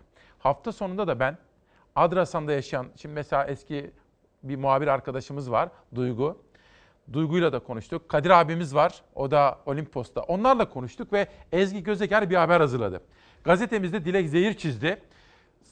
Kültür ve Turizm Bakanı da bu konuda net ifadelerle teminat verdi. Biz söz verdiğimiz üzere Olimpos'u manşet yaptık. Bazı sit alanlarının statüsü birden üçe çekildi. Ahşap yapılaşmanın önü açıldı diyoruz. Önce kaygılandık. Alarm durumuna yükseldik. Fakat bölgeden gelen haberler ve bakanın da vermiş olduğu teminat bizleri rahatlattı. Fotoğraflar Olimpos Antik Kenti'nden gelmiş efendim. Sizlere de şimdi bu özel manşeti sunuyoruz memnuniyetle ve öncelikle Duygu Demirağ'a da teşekkür ediyoruz. İsmail Küçükkaya'ya ve Çalar Saat izleyicilerine söz vermiştim. Olimpos'ta ne oluyor? Koruma amaçlı imar planı hayata geçerse ne değişecek? Bunu araştıracağım demiştim. Olimpos'ta koruma amaçlı imar planı Kültür ve Turizm Bakanlığı tarafından onaylandı. Türkiye'nin cennet köşelerinden Olimpos'un yapılaşma olan kısmında sit durumu değişikliğine gidildi. Olimpos imara mı açılıyor sorusu akıllara geldi. İnsanların korkusu şu. Olimpos imara açılacak, betonlaşacak, yeni yapılar yapılacak. Endişeye burada yer yok aslında. Ne burası ağaç evlerden oluşan bir e, yer olacak. Kesinlikle betonlaşma olmayacak. Onun için de aslında endişe yapmalarına gerek yok. Antalya'nın Kumluca ilçesinde yer alıyor Olimpos. Yemyeşil vadisi şırıl şırıl akan deresiyle birlikte masmavi Akdeniz sularına çıkıyor. Denize yaklaştıkça çevrede sıralanan tarihi yapılarsa Olimpos antik kentinin bin yıllar öncesinden kalma tarihi eserleri. Doğanın ve tarihin iç içe geçtiği Olimpos'u her yıl binlerce yerli ve yabancı turist ziyaret ediyor. Bölgede yaşayan gazeteci Duygu Demirdağ, Çalar Saat izleyicileri için sit alanı statüsündeki değişikliğin arka planını araştırdı. Endişe edenlerin sorduğu gibi sorayım ben de. Olimpos ranta mı açılacak? Olimpos için 2004 yılında çalışmalarına başlanan koruma amaçlı imar planı Kültür ve Turizm Bakanlığı tarafından onaylandı. Plan kapsamında Olimpos bölgesindeki yerleşim yerlerinin bulunduğu vadinin ikinci derece sit alanından üçüncü derece sit alanına dönüştürülmesi gündemde. Olimpos gibi bir değerin bozulmasına müsaade etmem. Teknik ekiplere talimat verdim. Aykırı uygulamalar olması halinde bugüne kadar yapıldığı gibi bugün de gereği yapılacaktır. Burada e, kamu alanları herhangi bir, bir e, imara açılmıyor. Sadece ve sadece özel alanlar, tapulu alanlar e, imar planlamasına dahil dar bir alan ve burada da e, bir yeni rant kapısı oluşmuyor. Mevcut yapılaşma yerini planlanmaya çalışılıyor. Yani e, kullanım kapasitesini e, aşağıya doğru indiriyoruz ve planlıyoruz ve e, ahşap olarak korunması için imar planıyla artık bunu e, kurallaştırıyoruz. Kumluca'nın CHP'li belediye başkanı Mustafa Köleoğlu ranta açılmayacak, tam tersine Olimpos düzenlenecek dedi. Kültür ve Turizm Bakanı Mehmet Ersoy, Olimpos'un bozulmasına müsaade etmeme sözü verdi. Sadece yasal çerçeve içine alınmadan yapılan turistik tesis ve özel mülklerin olduğu bölgede sit durumu değişti. Yapılaşma oranı %30'a düşürüldü, yapıların ahşap olması şartı getirildi. Olimpos Vadisi'ndeki yapıların hem miktarı azalacak hem de dokusu doğallaşacak plana göre. Yerel yönetim bölgede altyapı çalışması yapabilecek böylece. Bölgede 35 yıldır turistik tesis işleten Kadir Kaya da altyapı eksikliğinin altını çiziyor. Buradaki denizin kirlenmemesi gerekir, yeraltı sularının kirlenmemesi gerekiyor. Çarpışık yapıların düzene girmesi gerekir. Bu plan yani benim tamamen benim e, sağduyumla de, değerlendirdiğimde e, burası için çok yapıcı, olumlu. Çünkü burada mesela e, sağlık ocağı yok. O yapmayacak, bu yapmayacak. 10 sene sonra Olimpos denizde kirlenir. Yeraltı suları da kirlenir. Burada yaşamanın anlamı olmaz. Çünkü dünyanın en güzel denizine sahibiz. En tarihin içindeyiz, doğanın içindeyiz. Tartışmalara neden olan plan bölge insanına göre zarar değil fayda sağlayacak. Tarihin ve doğanın kucaklaştığı Mavi Yeşil Olimpos'un sakinleri ve yerel yöneticileri planlamadan memnun görünüyor. Adrasan'dan, Olimpos'tan sizi Finike'ye götüreceğim. Hani çevre dostumuz vardı ya çiftçi. Ama önce Meltem Türkoğlu ile konuştum. Rekabet kurumunda hukukçuydu fakat emekliye ayrılmış ve bundan 10 yıl kadar önce yitirdiği annesi için bir beste yapmış efendim. Oya Armutçu sayesinde haberdar oldum. Dinledim, çok etkilendim. Ve bunun dışında Ebru Ünal'la konuştum. Onun babası da 81 yaşında dışarıya çıkmış Abdullah Ünal. Ankara gücünün efsanelerinden biri. Onlardan da bahsetmek istedim ama önce birkaç gazete haberi. Hani biz her sabah İsmail Küçükkaya ile Demokrasi Meydanı'nda medya dünyasındaki gelişmelere de bakıyoruz ya bakın. Bir gün gazetesinde azınlık gazetelerine pandemi darbesi. Mesela Apo Yevmatini gazetesi genel yönetmeniyle konuşmuşlar. Jineps yayın kurulu üyesiyle konuşmuşlar. Ve Agos gazetesi genel yönetmeniyle konuşmuşlar. Ve Sabro gazetesi imtiyaz sahibiyle konuşmuşlar. Azınlık gazeteleri pandeminin olumsuz sonuçlarından nasibini çokça aldı. Jineps gazetesi koronavirüs salgını sürecinde baskısını durdururken diğer gazetelerde baskı ve dağıtımın yarattığı zorluklarla mücadele etmeye devam ediyor diyor. Bakın bu da salgının bizi karşı karşıya bıraktığı.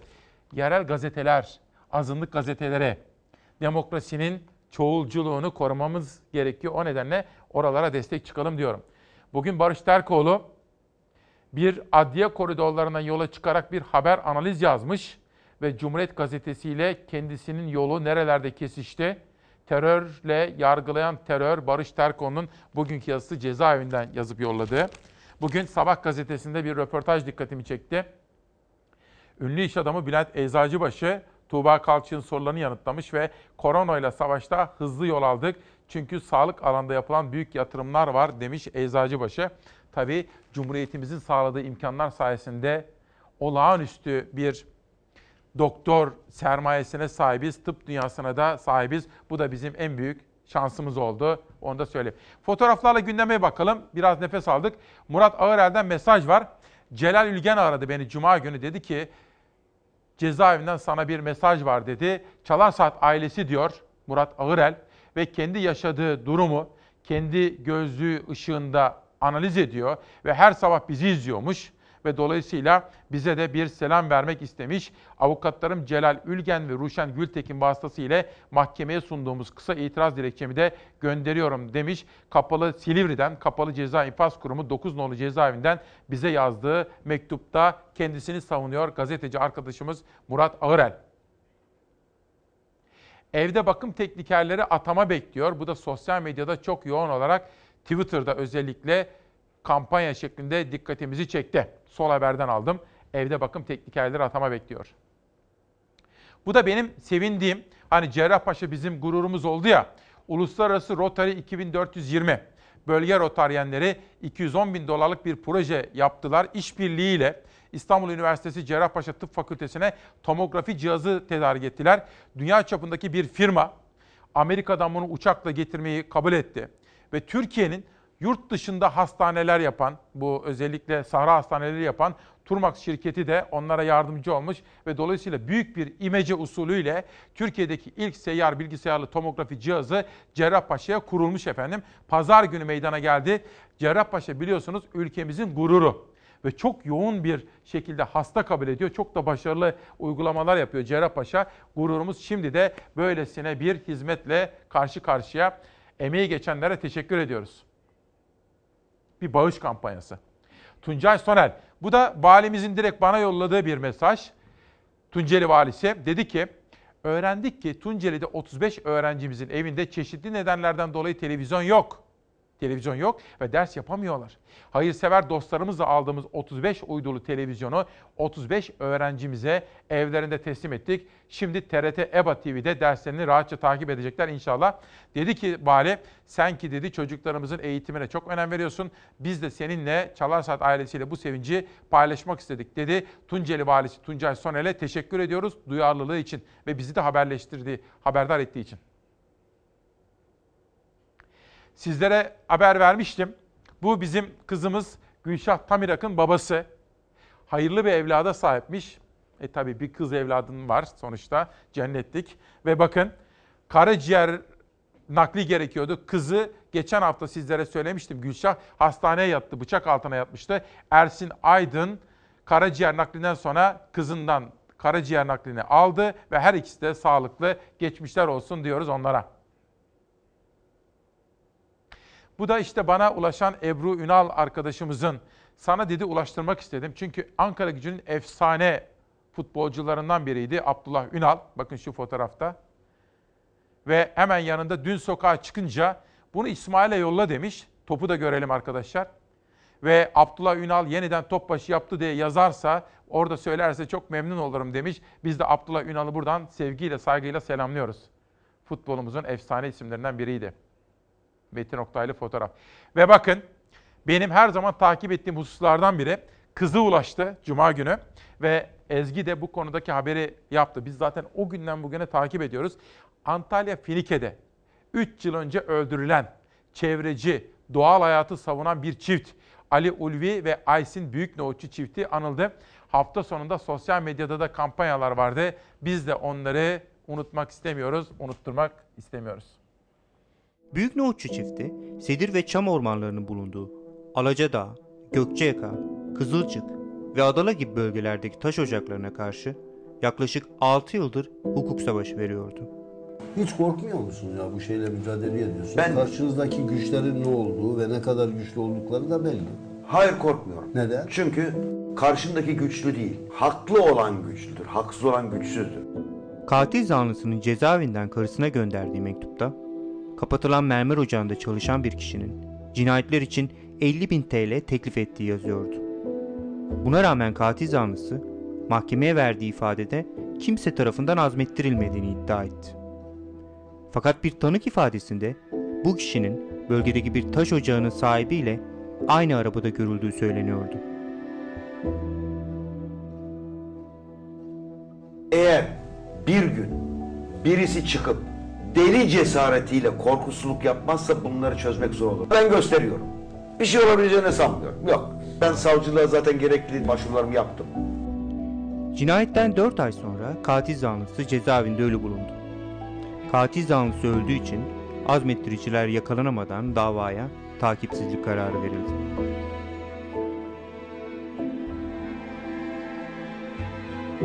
Ali Ulvi Büyük Nohutçu Finike'nin sedir ormanlarının yok edilmesine sessiz kalamadı. İnsanın kayıtsız kalması mümkün değil. İnanın o manzara görüldükten sonra, o manzara yaşandıktan sonra o insanların bu konuyla ilgili çektikleri dert, cefa gözlemlendikten sonra kayıtsız kalmak asla mümkün değil. Ve biz de kayıtsız kalamadık ama e, iyi ki gitmişim, iyi ki oraları görmüşüm, iyi ki oraya yerleşme kararı almışım. İyi ki bu taş ocaklarının oradaki sorunu görmüşüm ve Türkiye'nin gündemine taşıdığım gibi Antalya'nın gündemine taşımaya devam ediyorum.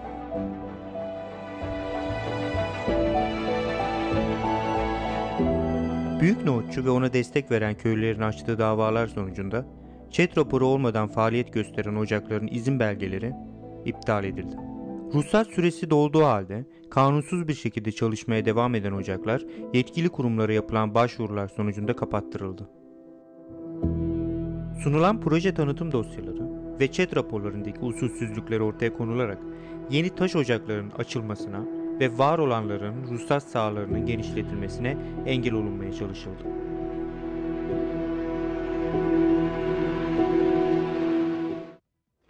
Çevre konuları bizim vazgeçilmez hassasiyet başlıklarımızdan biridir.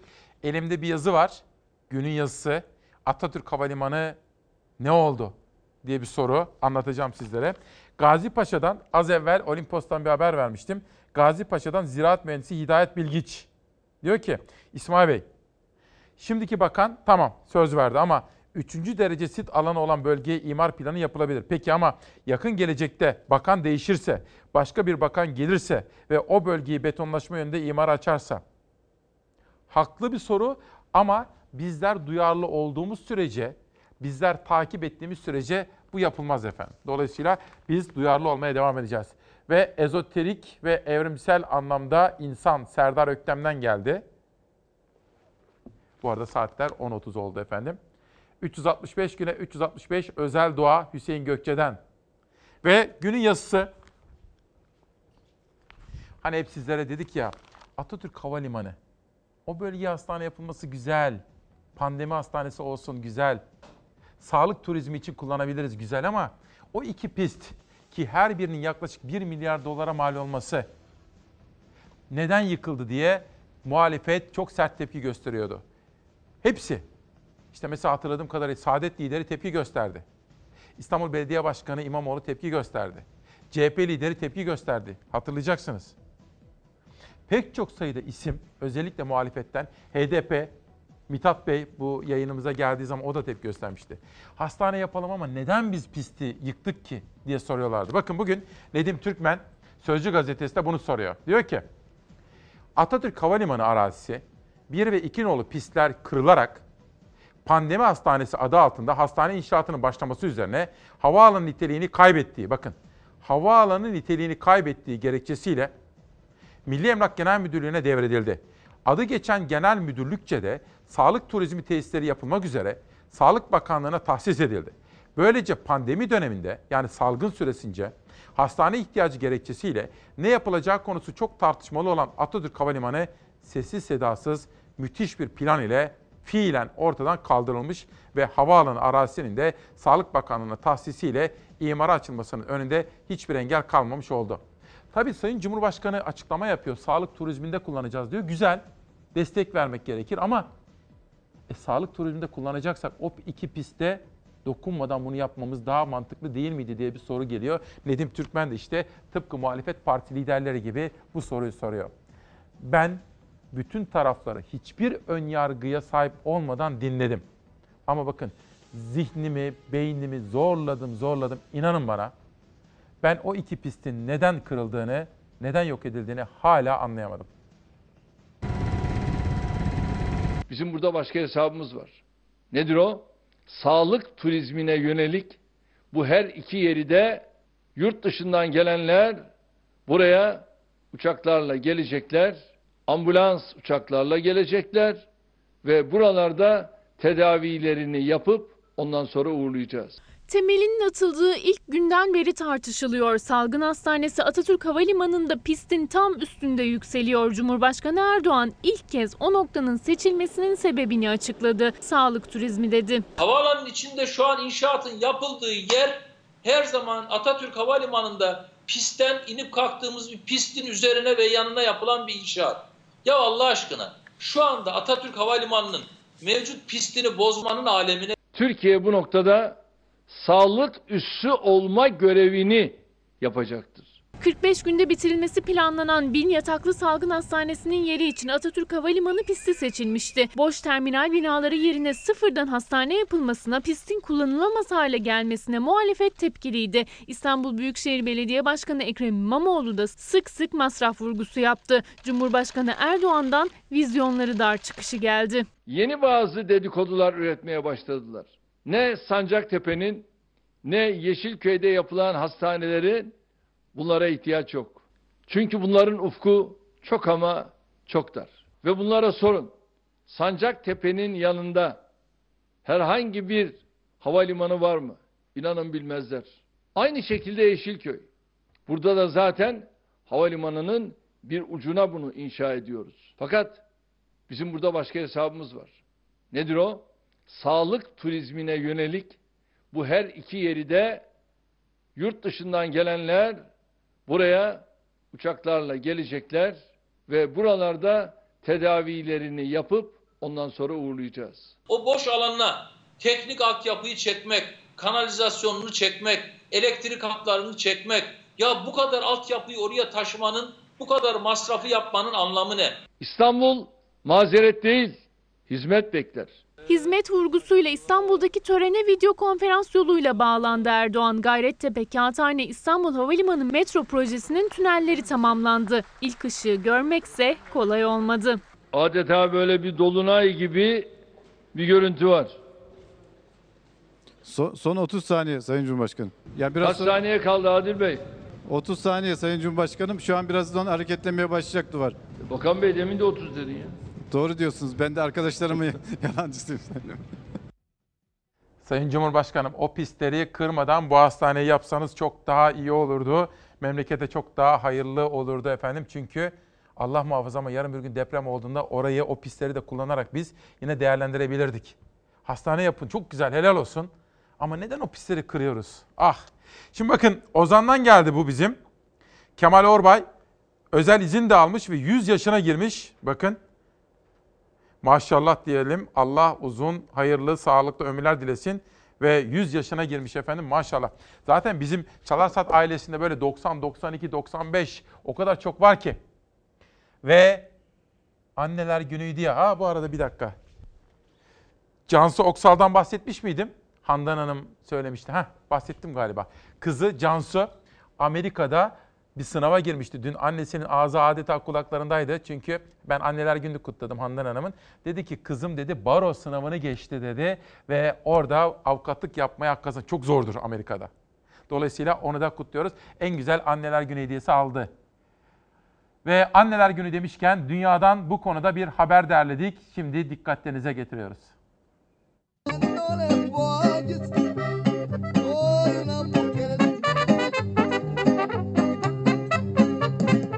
Anneler Günü karantina tedbirlerinin gölgesinde kutlandı.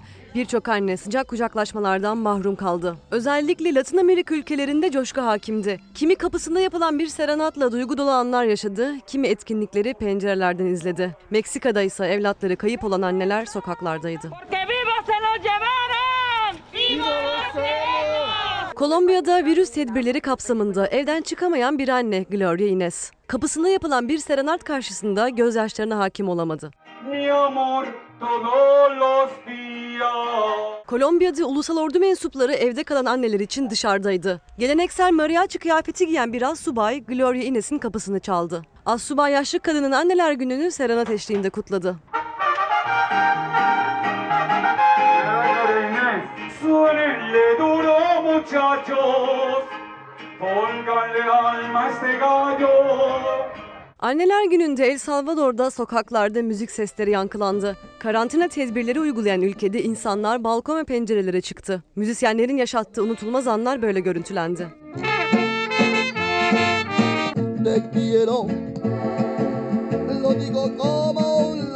Meksika'da anneler gününe hüzün hakimdi. Kimi anne evladından haber alamadığı için, kimi ise hayatını kaybeden çocuğuna adalet aramak için sokaktaydı. Salgının hız kazandığı Meksika'da annelerin tek istediği çocukları için farkındalık yaratabilmekti.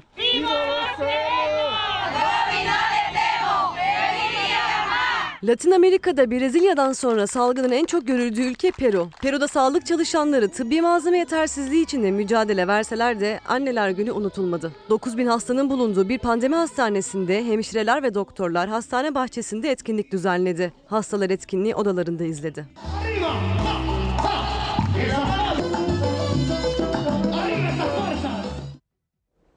Dün konuştuğum bir anne Melek Hanım, Melek Kartal, o da kızını kaybetmişti.